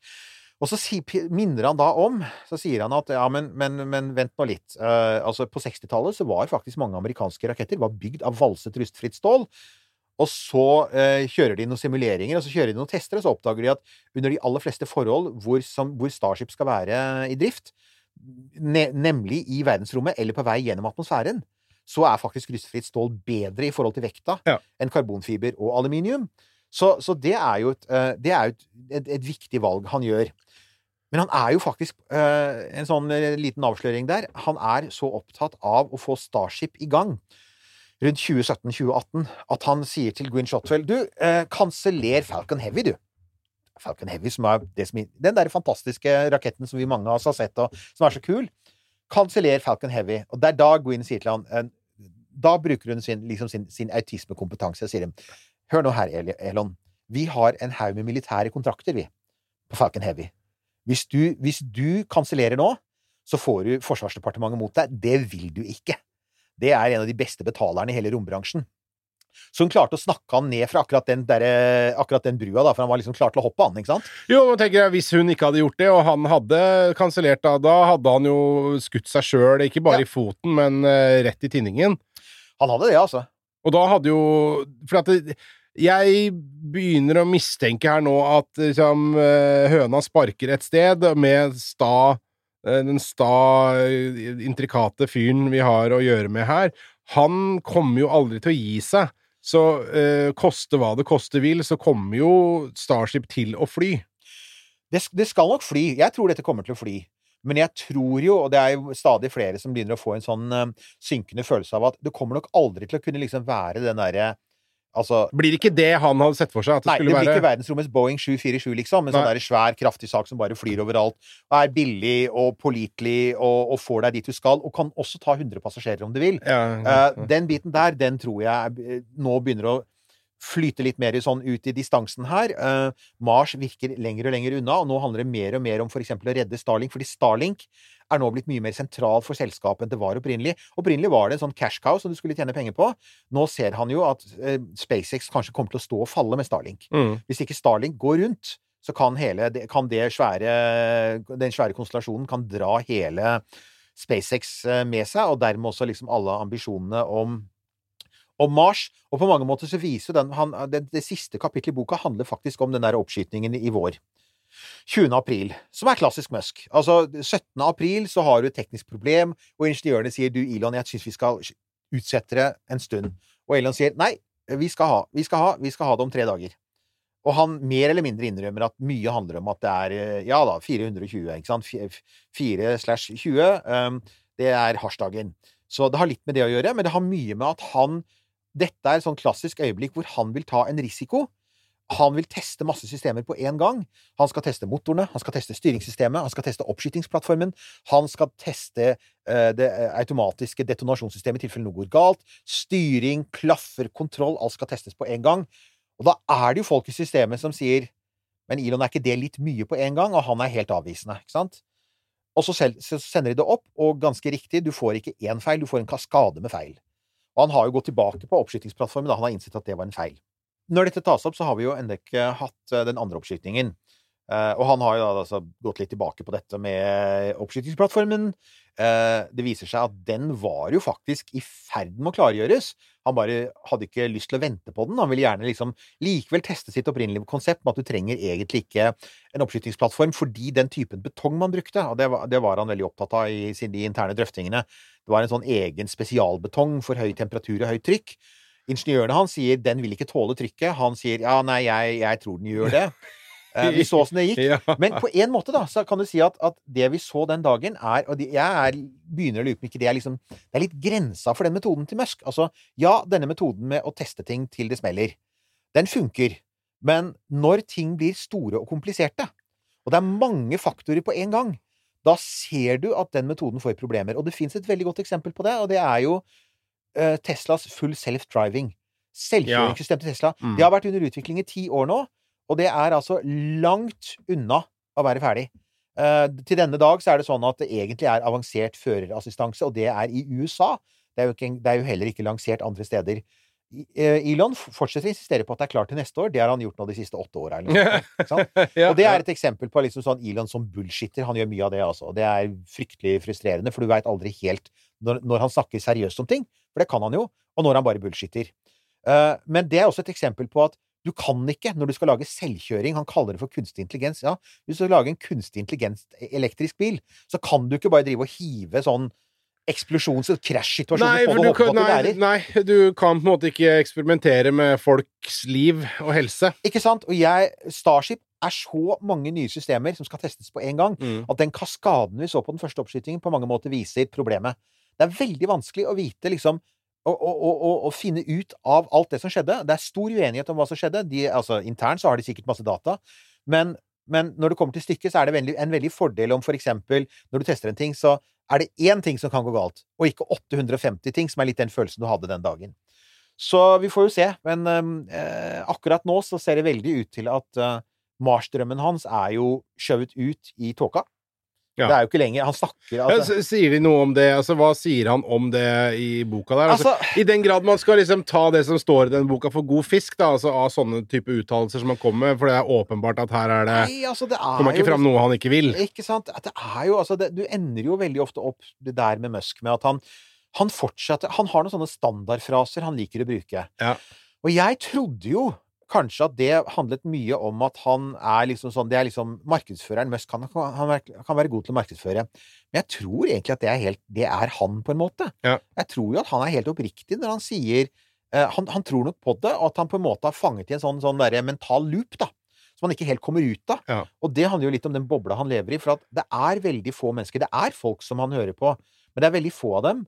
Og det er mange av de samme folka som han hører på. Og denne her ideen om at du kan få nye impulser ved eksempel å, å gå inn i en sånn åpen debatt med folk og akseptere argumentene deres, det er jo en av de tingene han sliter mest med. Det veit vi jo. Og det eh, er jo hele denne Twitter-affæren som vi skal, heldigvis skal slippe å gå inn på. Ja. Men virkelig. Det er denne Twitter Altså hele Twitter-historien er et veldig godt eksempel på hvordan han er sin egen verste fiende. Mm. Det er de aller fleste enige om. Ja, og så tenker jeg det handler vel også litt om en eller annen sånn derre grevlingmentalitet, da. At du biter deg fast i noe, Ja. og, du, den staheten at du har en idé, og så er det helt umulig å slippe Ja. den ideen. Mm. Og, og på en måte erkjenne et nederlag og, og si at 'men vet du, dette fikk jeg ikke til'. Ikke sant? Altså, en av de Dette jeg var ikke en god idé. Ikke sant? Altså, en av de tingene jeg tenker mye på, da, det er jo at vi er, alle vi mennesker er jo sånn at vi har noen talenter. Og en måte de talentene kan videreutvikles på, er i møte med andre mennesker som ser at du har talentet, men som også gir deg tilbakemelding på der du, ikke, altså, der du trenger forbedring. Ikke sant? Dette gjelder alle. Dette gjelder skuespillere og ingeniører og alt mulig. Altså, og, og det syns er så veldig tydelig når du ser Elon gjenta den samme tingen han har sagt i 20 år, Ja. er at han dessverre mangler den egenskapen. Han har masse talent, det er ingen tvil om det, men det er også tydelig at de talentene blir på en måte ikke Altså, det er, det er fremdeles mye av det samme. Altså, det blir ikke raffinert og videreutviklet i møte med nye folk. Så for eksempel er han altså Dette med Altså, han, er, han sliter veldig med liksom å gi andre anerkjennelse for, for, for Altså, når han får nye ideer, for eksempel.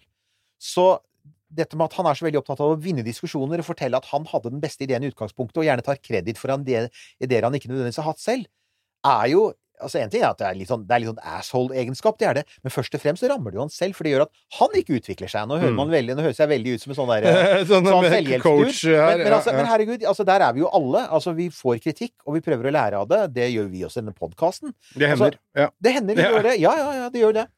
Uh, og, og, det er, altså, og det er fair enough. Og da syns jeg man i størst mulig grad bør ta opp den delen av kritikken som, som det er verdt å ta opp, og så, og så gå videre med det.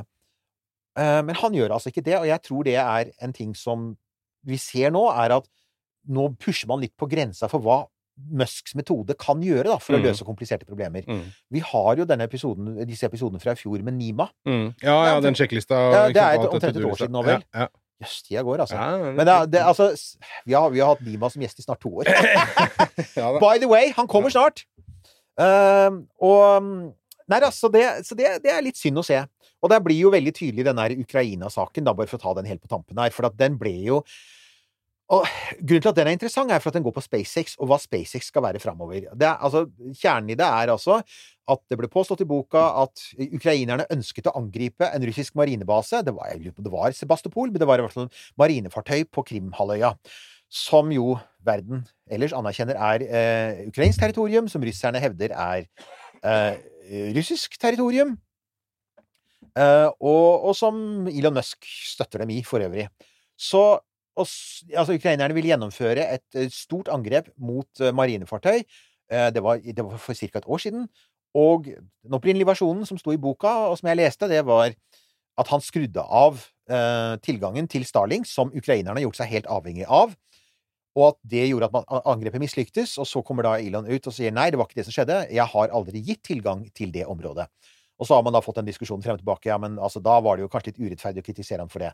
Det diskusjonen handler om nå, det er hvorfor i all verden har han ikke gitt tilgang i det området i det hele tatt? Og det viser seg jo at det er jo hans beslutning, fordi eh, når det gjelder satellittjenester, som, som, som Starlink er, så er det jo ikke sånn at amerikanske myndigheter setter noen sånn og sier For når det gjelder tunge våpen, så sier amerikanske myndigheter vi kan gi dere HIMARS, vi kan gi dere Abrams-panservogner, men dere får ikke lov til å bruke det inn på russisk territorium. Ja, ok, ja, ja. Altså, Ukrainerne kommer til å få F-16, men dere får ikke lov til å bruke F-16 mot russiske mål inne i Russland. Dere kan bruke det innenfor Ukrainas grenser. Og det har ukrainerne stort sett holdt seg til. Men ukrainerne angriper nå inn i Russland med droner, og Mm. de dronene bruker GPS, blant annet. Og GPS, det har jo ikke amerikanerne nektet. Det er en amerikansk tjeneste som de bruker. Ukrainerne finner målene, målene sine i Russland med vestlige satellittbilder. Det er ikke noe det er embargo på. Med andre ord, satellittjenester, det er fullt lovlig. Starlink kunne fint dekket Russland, kunne fint dekket Ukraina, hele Ukraina, også de okkuperte områdene. Men der har Elon Musk tatt en beslutning om ikke å gjøre det. Mm. Og det er han som har gjort det. Ja. Og nå har man fått en diskusjon i USA om er det egentlig på sin plass at et strategisk viktig redskap som Starling faktisk er, og det har vist seg å være veldig nyttig i krig, at en, at en bedriftsleder kan føre sin egen utenrikspolitikk og egen, liksom, egen sånn militærpolitikk. Det har man begynt å få en diskusjon Ja, Det er alt eller ingenting. Altså, ja. Ikke sant? Og det er en interessant diskusjon, fordi at når det kommer til stykket, så er Starlink har, altså, altså SpaceX kan ikke lenger sies å bare være rent privat. SpaceX får masse offentlig støtte på ulike måter, ikke sant? Blant annet via alle de offentlige kontraktene, men de har jo også fått flere direkte bidrag fra NASA. Senest 3 milliarder dollar til å lande på månen, ikke sant? Så det er ikke sånn at SpaceX nå er en sånn lite, en liten startup som finansierer, finansieres av Elons lomme. De er nå tett integrert i det amerikanske systemet. Og her velger da eh, Elon å si nei, han vil ikke det. Hvorfor vil han ikke det? Og det er jo da det, det, andre spørsmålet her. Vel, altså, han sier jo offisielt så sier han at det er fordi han er redd for at det skal eskalere til tredje verdenskrig. Og det er jo den der kjernefysiske sabelraslingen som Russland har holdt på med. Problemet er jo at han også har vist seg å være ganske russlandsvennlig. Han har jo på Twitter blant annet gått ut og på mange måter støttet russiske synspunkt på Ukraina. Eh, igjen, Krim er russisk. Eh, Russland bør få beholde en del av de eh, okkuperte områdene hvis de kan holde en folkeavstemning. Han har jo tatt til orde for Det var jo hans fredsplan. La oss, mens russiske soldater står på territoriet så kan dere gå til valglokalene. Det er sånn Norge 1943. Vi, kjære nordmenn, nå vil vi i Wehrmacht vil at det skal gjennomføres en folkeavstemning om dere vil tilhøre det hva som riket. Gå til valglokalene. Det som plutselig slo meg, er at eh, Elon Musk, han eh, Kanskje han har, har spist lunsj og eh, gjort sånn med Steven Segal. Ja. det er kanskje det. Men jeg tror jo jeg, altså, så, det, det, Motargumentet er da gjerne i denne diskusjonen her Ja, men hvorfor i all verden har han gitt titusenvis av Starlink-terminaler til, til Ukraina? Mm. Altså, han har jo det, og det er helt sant. Og Starlink har vært uvurderlig. Det har vi allerede svaret på. For ca. tre kvart år etter at et halvt år etter at um, SpaceX hadde gitt alle disse terminalene til Ukraina, så lanserer de tilbudet Starshield, som er den militære varianten av Starlink. Og det er altså det, Er det én ting vi har lært av Ukraina, som vi lærer av alle kriger, så er det at militærprodusenter bruker kriger til å teste ut våpnene sine. Ukraina har ikke bare vært et sted hvor vi har hjulpet ukrainerne med våpen, det har vært et testområde for vestlige våpen. Og det, det, bruker de så i markedsføringen sin, på samme måte som russerne ikke lenger egentlig kan selge inn sine tanks som uovervinnelige, for vi har sett hva som skjedde med dem i Ukraina. Så bruker for eksempel produsentene av HIMARS og lignende og alle disse antipanservåpnene kan si 'se hvor effektive de er'. Dette er de helt åpne på. Og det er ingen tvil om at også Ukraina har vært et showcase, vært et testområde for Starlink. Er, altså, og grunnen til det er at Starlink Altså, det ble jo Vi har jo snakket om det for ca. åtte timer siden. Så, så, så, så, sa vi jo dette at Starlink ble opprettet for å sende mennesker til Mars. Eh, det, for å få til det, så måtte Starlink bli profitabelt. Og i et sånn Musk-perspektiv så kan du si at der har Starlink ikke lyktes. I 2015, ifølge Forbes Magasin, så hadde holdt um, Starlink møter i 2015 for investorer, hvor de sa at uh, planen var at Starlink i 2022, altså i fjor, skulle gå med 7 milliarder dollar i overskudd. Det var planen. Ja, okay, I fjor ja. gikk Starlink med underskudd. Ja. Eh, planen var at det skulle være 22 millioner abonnenter i 2022. Det var knapt 1 million. Starlink går visstnok med litt overskudd nå, men det er så vidt det hangler og går. Det er ikke i nærheten av å være det som Elon Musk eh, trenger. Det er også en av grunnene til at han gjerne vil ha Starship opp, for at han tror at med Starship så kan du faktisk få ned prisen og øke profitten. Det han også har skjønt, er jo at militære satellittjenester er grøsa godt betalt. Ja, ja, ja. Oi, ja, ja, ja. Sånn at den derre um, Så at ganske tidlig, og særlig når ukrainerne begynte å rapportere hvor utrolig nyttig det var å ha bredbånd som ikke kunne hackes, for det var en annen ting Amerikanske militære har vært kjempeimponerte av, av, av SpaceX, det må sies. Mm. En av de tingene de rapporterer, er for det første så har de oppdaget hvor verdifullt det er å ha bredbånd på fronten. Du kan gjennomføre komplekse operasjoner, kom, sånn kommando, kontroll og kommunikasjon, de tre c-ene i militære operasjoner, med mye høyere effektivitet fordi du har bredbånd. Du kan gjøre helt nye ting. Du kan livestreame eksempel droner på vei mot et mål. Masse sånne ting som ikke du kunne gjøre før. Oppdatere software. Og du kan også fortløpende beskytte deg mot russiske hackerangrep. Og igjen, amerikanske militære har vært superimponerte av hvor raskt SpaceX ansatte har klart å sikre SpaceX mot russisk jamming og hacking. Og ikke bare det, men det kan ikke tas ned, for det er en megakonstellasjon. Russerne kan ikke skyte ned 4000 satellitter. Det er usårbart. Selvsagt vil de militære ha det, og det har de sagt ganske lenge. Og da kommer vi til Hvorfor har SpaceX vært så opptatt av å få Starlink ut i Ukraina? Fordi det var det første passende showcaset. Du kunne ikke ha sendt det til en borgerkrig i Afrika. Men å få et stort, rikt land, relativt rikt land med høyteknologi, i, et, i krig med et annet høyteknologisk land, det var, det var den perfekte showcasen.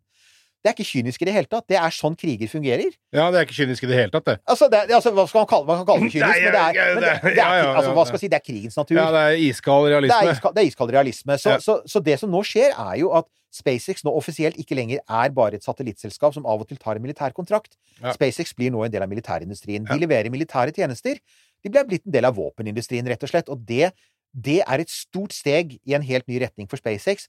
Det var nok ikke planen i 2015, fordi at SpaceX var startet som et sivilt selskap, og vi har hyllet SpaceX for å være et helt sivilt selskap fra starten av, som kun hadde som mål å kolonisere Mars. Mm. Nå har SpaceX beveget seg i en annen retning. Ja, og så blåser realitetens vinner inn, da. Så er det med disse her ja, militære pengesekkene og alt det her, og de er dype og tunge, og så trenger du noen kroner, da. Ja, Så, Det er å ta på seg det skjørtet, da. så jeg tror nok Så, den, den, så ja, denne episoden med hvem, når ting ble skrudd av, er i denne sammenhengen mye mindre viktig enn den virkelige historien, som er nummer én. SpaceX er nå en, er i ferd med å bli en veldig viktig leverandør av militære tjenester til amerikanske myndigheter. Og, og nummer to, eh, hvem skal ha kontrollen over det? Jeg mistenker jo at jo mer eh, det militære blir, desto mer kontroll får Pentagon.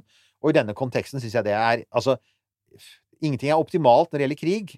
Men jeg må jo si at jeg vil jo heller ha et militært forsvarsdepartement fra et demokrati enn en tross alt selverklært mentalt ustabil milliardær. Og vi, kan, vi har lov å si det når han har sagt det selv. Han er ikke alltid mentalt stabil.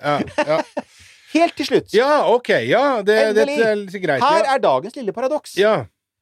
Altså igjen, målet for alt, for å komme tilbake til starten, målet for alt har hele tiden vært ta vare på bevissthetens lys, bygge en koloni på Mars og etter hvert andre steder, spre menneskeheten ut i universet, inspirert av forfatteren Isaac Asimov, ikke minst, og andre tilsvarende forfattere, science fiction-forfattere fra 60- og 70-tallet, som jeg husker veldig godt, for det var også de jeg leste. Her er da paradokset. Han er veldig opptatt av menneskehetens skjebne. Han vil gjerne redde menneskeheten. Samtidig så liker han ikke mennesker. Interesting. Han gjør jo ikke det. Han har ikke empati. Han har ikke særlig sans for folk. Så det er liksom, der ligger det grunnleggende paradokset for Elon Musk. Alt, alt det snakket om er det teknisk mulig å bygge den kolonien på Mars. Det er det antagelig hvis du putter utrolig mange milliarder i det. Det er mye vanskeligere enn Musk tror, men det er også mulig. Det er det. Men det er jo ikke spørsmålet egentlig, for at en koloni er jo et samfunn, ikke sant? Og er det mulig for en mann som Musk, da, som liker menneskeheten, men som ikke egentlig liker folk? Er det en ting som Nei, kommer til å gå? Nei, men det er vel irrelevant. For, at det, for han så handler det om uh, hva man kan få til, tenker jeg. Jo, altså det er irrelevant for han, men det er ikke irrelevant for kolonien, for dette har vært det har jo vært forsøkt, vi skal ikke minne om Det finnes én annen milliardær som minner ganske mye om Elon Musk her, og det er da faktisk ikke Howard Hughes. Det er Henry Ford. Henry Ford, som jo var en annen sånn stor eh, En fyr som tok kjent teknologi og, for, og, revolusjonerte en industri som var blitt stående på stedet hvil, bilindustrien i sin tid. Han var veldig opptatt av, han var veldig opptatt av å fremme sitt um, antisemittiske og rasistiske politiske syn. Han kjøpte ikke Twitter, eh, for det fantes ikke, men han kjøpte aviser og radiostasjoner. Og ikke minst, han ville gjerne Han bygde jo faktisk en koloni i Amazonas som het Fordlandia. Det er glemt i dag. Ja, ja, ja. Det var et idealsamfunn der folk skulle jobbe for Ford og produsere gummi til bildekkene, fordi at Ja. han ville finne en alternativ gummikilde enn de som fantes. Fordlandia. Og, der var jo, og det var da et idealsamfunn etter bygd på modellen til Henry Ford, altså det som var i hans hode. Det som ble kalt for Fordisme en stund. Måter å tenke på, måter å produsere på. Total katastrofe. Det funka jo ikke. Det var jo ikke et samfunn som var bærekraftig på en flekk, fordi Nei. det var Henry Ford som hadde tenkt ut samfunnet. Og det er det mange sier, altså. Jo da, den kolonien på Mars er kanskje teknisk mulig, men en mann som har så lite kunnskap om menneskelige relasjoner, og, og hvordan du bygger samfunn, og hvordan du faktisk får folk til å trives med hverandre, som trengs, da, er kanskje ikke rette. Vi får håpe at Gw- Gwyn Shotwell kan hviske ham noen ord i øret før de første kolonistene reiser. Ja, kanskje Gwyn kan bli dronning? Det hadde vært en Queen Gwyn. Det var, jeg hadde aldri trodd vi skulle ende på det, men det er der vi gjør det. Det er der vi gjør det. Eh, Da eh, vil jeg bare si eh, hjertelig takk for at du hørte på denne lange episoden Ja. av Romkapsel, som da har vært en oppsummering av romfartsbiten og mennesket Elon Musk Ja, også fra snakket boka. Ja, for skulle vi også snakket om Solar City, Tesla, Neuralink, The Boring Company, osv., osv., osv., så hadde vi sittet her til i morgen. Ja. Det kan vi ta en annen dag. Alle er glade for det. Ja, Alle hjerter fryder seg. Stay tuned. Eh, 27. september, bare sier det nok en gang, altså. Da er De av dere som fremdeles er med, bare sånn Hallo! Er du våken? Dere to som fremdeles er her. Er du med? Ja. Eh, 27. september, eh, Eldorado. Eh, da blir det livesending. Eh, Livepod. Eh, ikke sending, det blir livepod eh, med oss og Nima. Eh, romdrakt. Eh, god stemning. Eh, kortere anekdoter om Elon Musk. Det, vi skal ikke se bort ifra at navnet dukker opp. Det har en Ja, tendens til det å er ikke gjøre det. nødvendigvis fra oss engang. Nei, nei. For at no, altså, I motsetning til uh, jeg som sitter på avstand og bare hører om fyren. Eh, Nima eh, er, ja, han har er, jo eh, Six Degrees-aktig nærmere. Virret i gangene der. Eh, Kan til og med hende han har sett han forsvinne i hastig på vei mot Twitter-hovedkvarteret. Kanskje, kanskje, kanskje. Eh, Det finner du i så fall ut hvis du går inn på tasopp.no og kjøper en eh, billett til eh, arrangementet den 27. september. Jeg tror det er klokka åtte. eh, Sju eller åtte. Det står på tasopp.no. Gå inn der, og så eh, høres vi neste uke. Du har hørt en podkast fra Podplay. En enklere måte å høre podkast på. Last ned appen Podplay, eller se podplay.no.